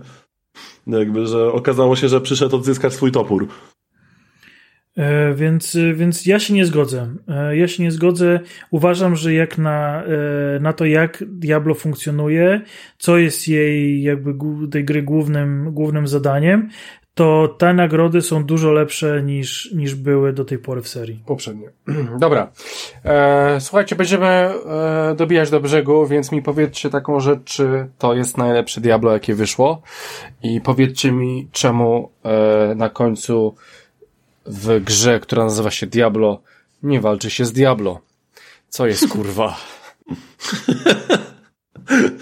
Wiesz co? Dla mnie to jest najlepsze Diablo dla większości osób yy, pewnie to nie będzie najlepsze Diablo, bo zwyczajnie wiele osób też po prostu patrzy przez różowe okulary na, na przeszłe gry. Ja na przykład próbowałem zagrać w, w remaster czy tam remake Diablo 2 i o ile jakby doceniam, szanuję, to według mnie ta, ta gra z dzisiejszej perspektywy nie jest jakaś po prostu super wybitna, tak? Jest kultowa. W tamtych czasach była abs czymś absolutnie magicznym i niesamowitym, tak? Mhm. Ale ale teraz mamy inne czasy i dla mnie, dla kogoś, kto nie był nigdy jakimś po prostu zapaleńcem totalnie wkręconym w Diablo, dla mnie Diablo 4 to jest najlepsze Diablo, bo podoba mi się bardziej od trójki, a tak naprawdę tylko w trójkę grałem więcej, tak, że przeszedłem ją. Znaczy dla mnie na, na zawsze y, najlepszym Diablo pozostanie jedynka. E, i, I tam no spędziłem tam spędziłem naprawdę mnóstwo czasu i już nawet, e, że tak powiem, współcześnie, już jak trójka była na rynku, e, zagrywałem się w, w jedynkę z, z Goga e, z dodatkiem Hellfire, więc, więc jakby no, ta jedynka, no, no to jest, ale to jest, to jest na pewno kwestia sentymentu. E, no, no, właśnie, bo ja na przykład też próbowałem odpalić jedynkę i no dla mnie już była ni niestety nie Nie, nie, nie ja, ja absolutnie. Prostu, pierwsze, pierwsze odpalenie skończyło się tym, że właśnie obudziłem się, znaczy jakby poszedłem do pracy następnego dnia prosto z gry, nie? E, że, że nie szedłem spać, bo, bo grałem w Diablo. E, więc, więc no jakby ten sentyment na pewno wjechał silny. Czy jest to, czy czwórka jest lepsza od trójki? Moim zdaniem tak.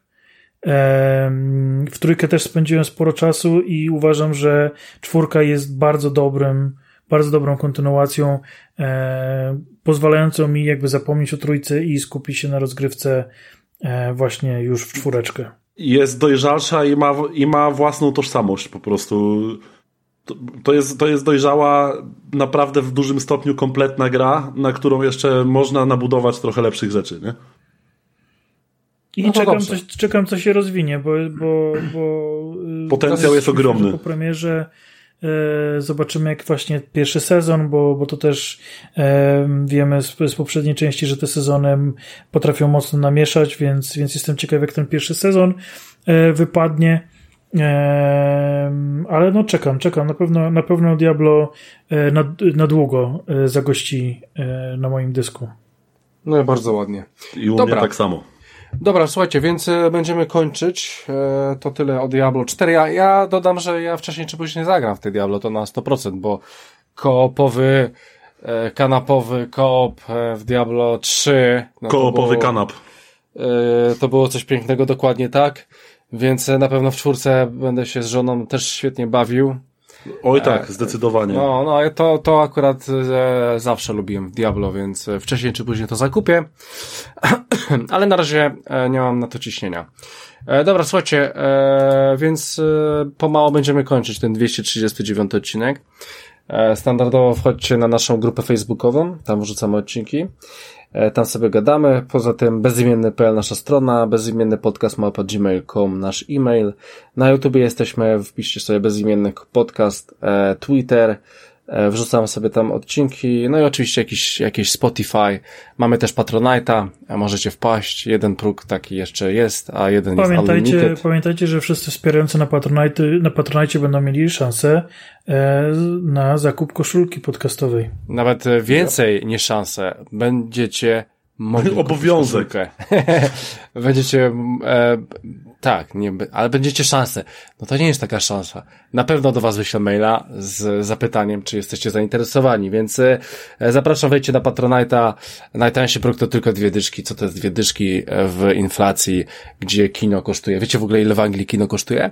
80 zł w przeliczeniu teraz. 80 zł. Ja ale za, bi- tak. za jeden bilet, tak? Czy za, za, za jeden za bilet, tak. Nie, nie, nie, za jeden bilet. 18 funtów. 17,99. Ostatnio ktoś był, czekajcie, ktoś był E, na jakimś nowym, fajnym filmie. A, kurde, już nie pamiętam, coś z teraz Nie na Transformersa. biorąc pod uwagę różnicę w zarobkach. Spider-Man? Nie, może Flash. Albo Spider-Man. Spider-Man albo Flash. Już nie pamiętam, no. Ale no, dramat, nie? Znaczy w weekendy oczywiście, ja na w tygodniu tanie, ble, ble, jakieś tam pewnie tańsze dni, ble, ble, ale jakiś tam... Tylko, że chyba wziął sobie też e, e, krzesełko premium i no ogólnie wypad, ale 18 funtów, no to jest przegięcie. Więc słuchajcie, jedną czwartą biletu to jest Patronite, więc come on. E, no, więc e, słuchajcie, Patronite standardowo jesteśmy. E, paczki niedługo będziemy już wysyłać z gadżetami, więc myślę, że chyba tyle, nie? 240 odcinek za dwa tygodnie. 200, a myślę, dobra, nieważne. a, bo ty, a, to jest kolor. Ja już cię tu za słówka chciałem łapać. no widzę, że jesteś na pogotowiu, to dobrze. No dobra, więc e, słuchajcie, to tyle w tym odcinku. Ja jeszcze dodam małą anegdotkę, że ostatnio spytałem się Tomka, to już na zakończenie którego Mariana mam kupić, bo mam ochotę na Mariana na Switcha, nie mam żadnego. No to on stwierdził, że Odyseja. No i ten Odysej już do mnie idzie, więc jeżeli Tomku ten Odysej będzie zły, to ja ci podam numer konta, gdzie masz wpłacić mi pieniądze za to, że on jest zły. eee, no, aczkolwiek, aczkolwiek, ja lubię Mariany, więc, więc jeżeli jest dobry, no to jest dobry, tak? No to, to tego nie przeskoczę, tak? Ja nie jestem hipsterem jak ty, więc y, jeżeli gra jest dobra, to jest dobra, tak? No. E, no dobra, to tyle. Słuchajcie, e, moimi gośćmi dzisiaj był. Gośćmi. No dobra, ze mną dzisiaj nagrywali. Tomasz Arowasiewicz. No cześć, dzięki wielkie. E, był z nami również Christian Kender, dzięki wielkie. I był z nami też Mikołaj Weiser. Dzięki serdeczne i zapewne słyszymy się dopiero po wakacjach. Więc do usłyszenia, moi kochani. Nie straż dzieci Mikołajem. Dobra. Słuchajcie, to był 239 e, odcinek podcastu Bezimienny. My słyszymy się za dwa tygodnie, więc trzymajcie się, drodzy słuchacze. Do usłyszenia. Hej!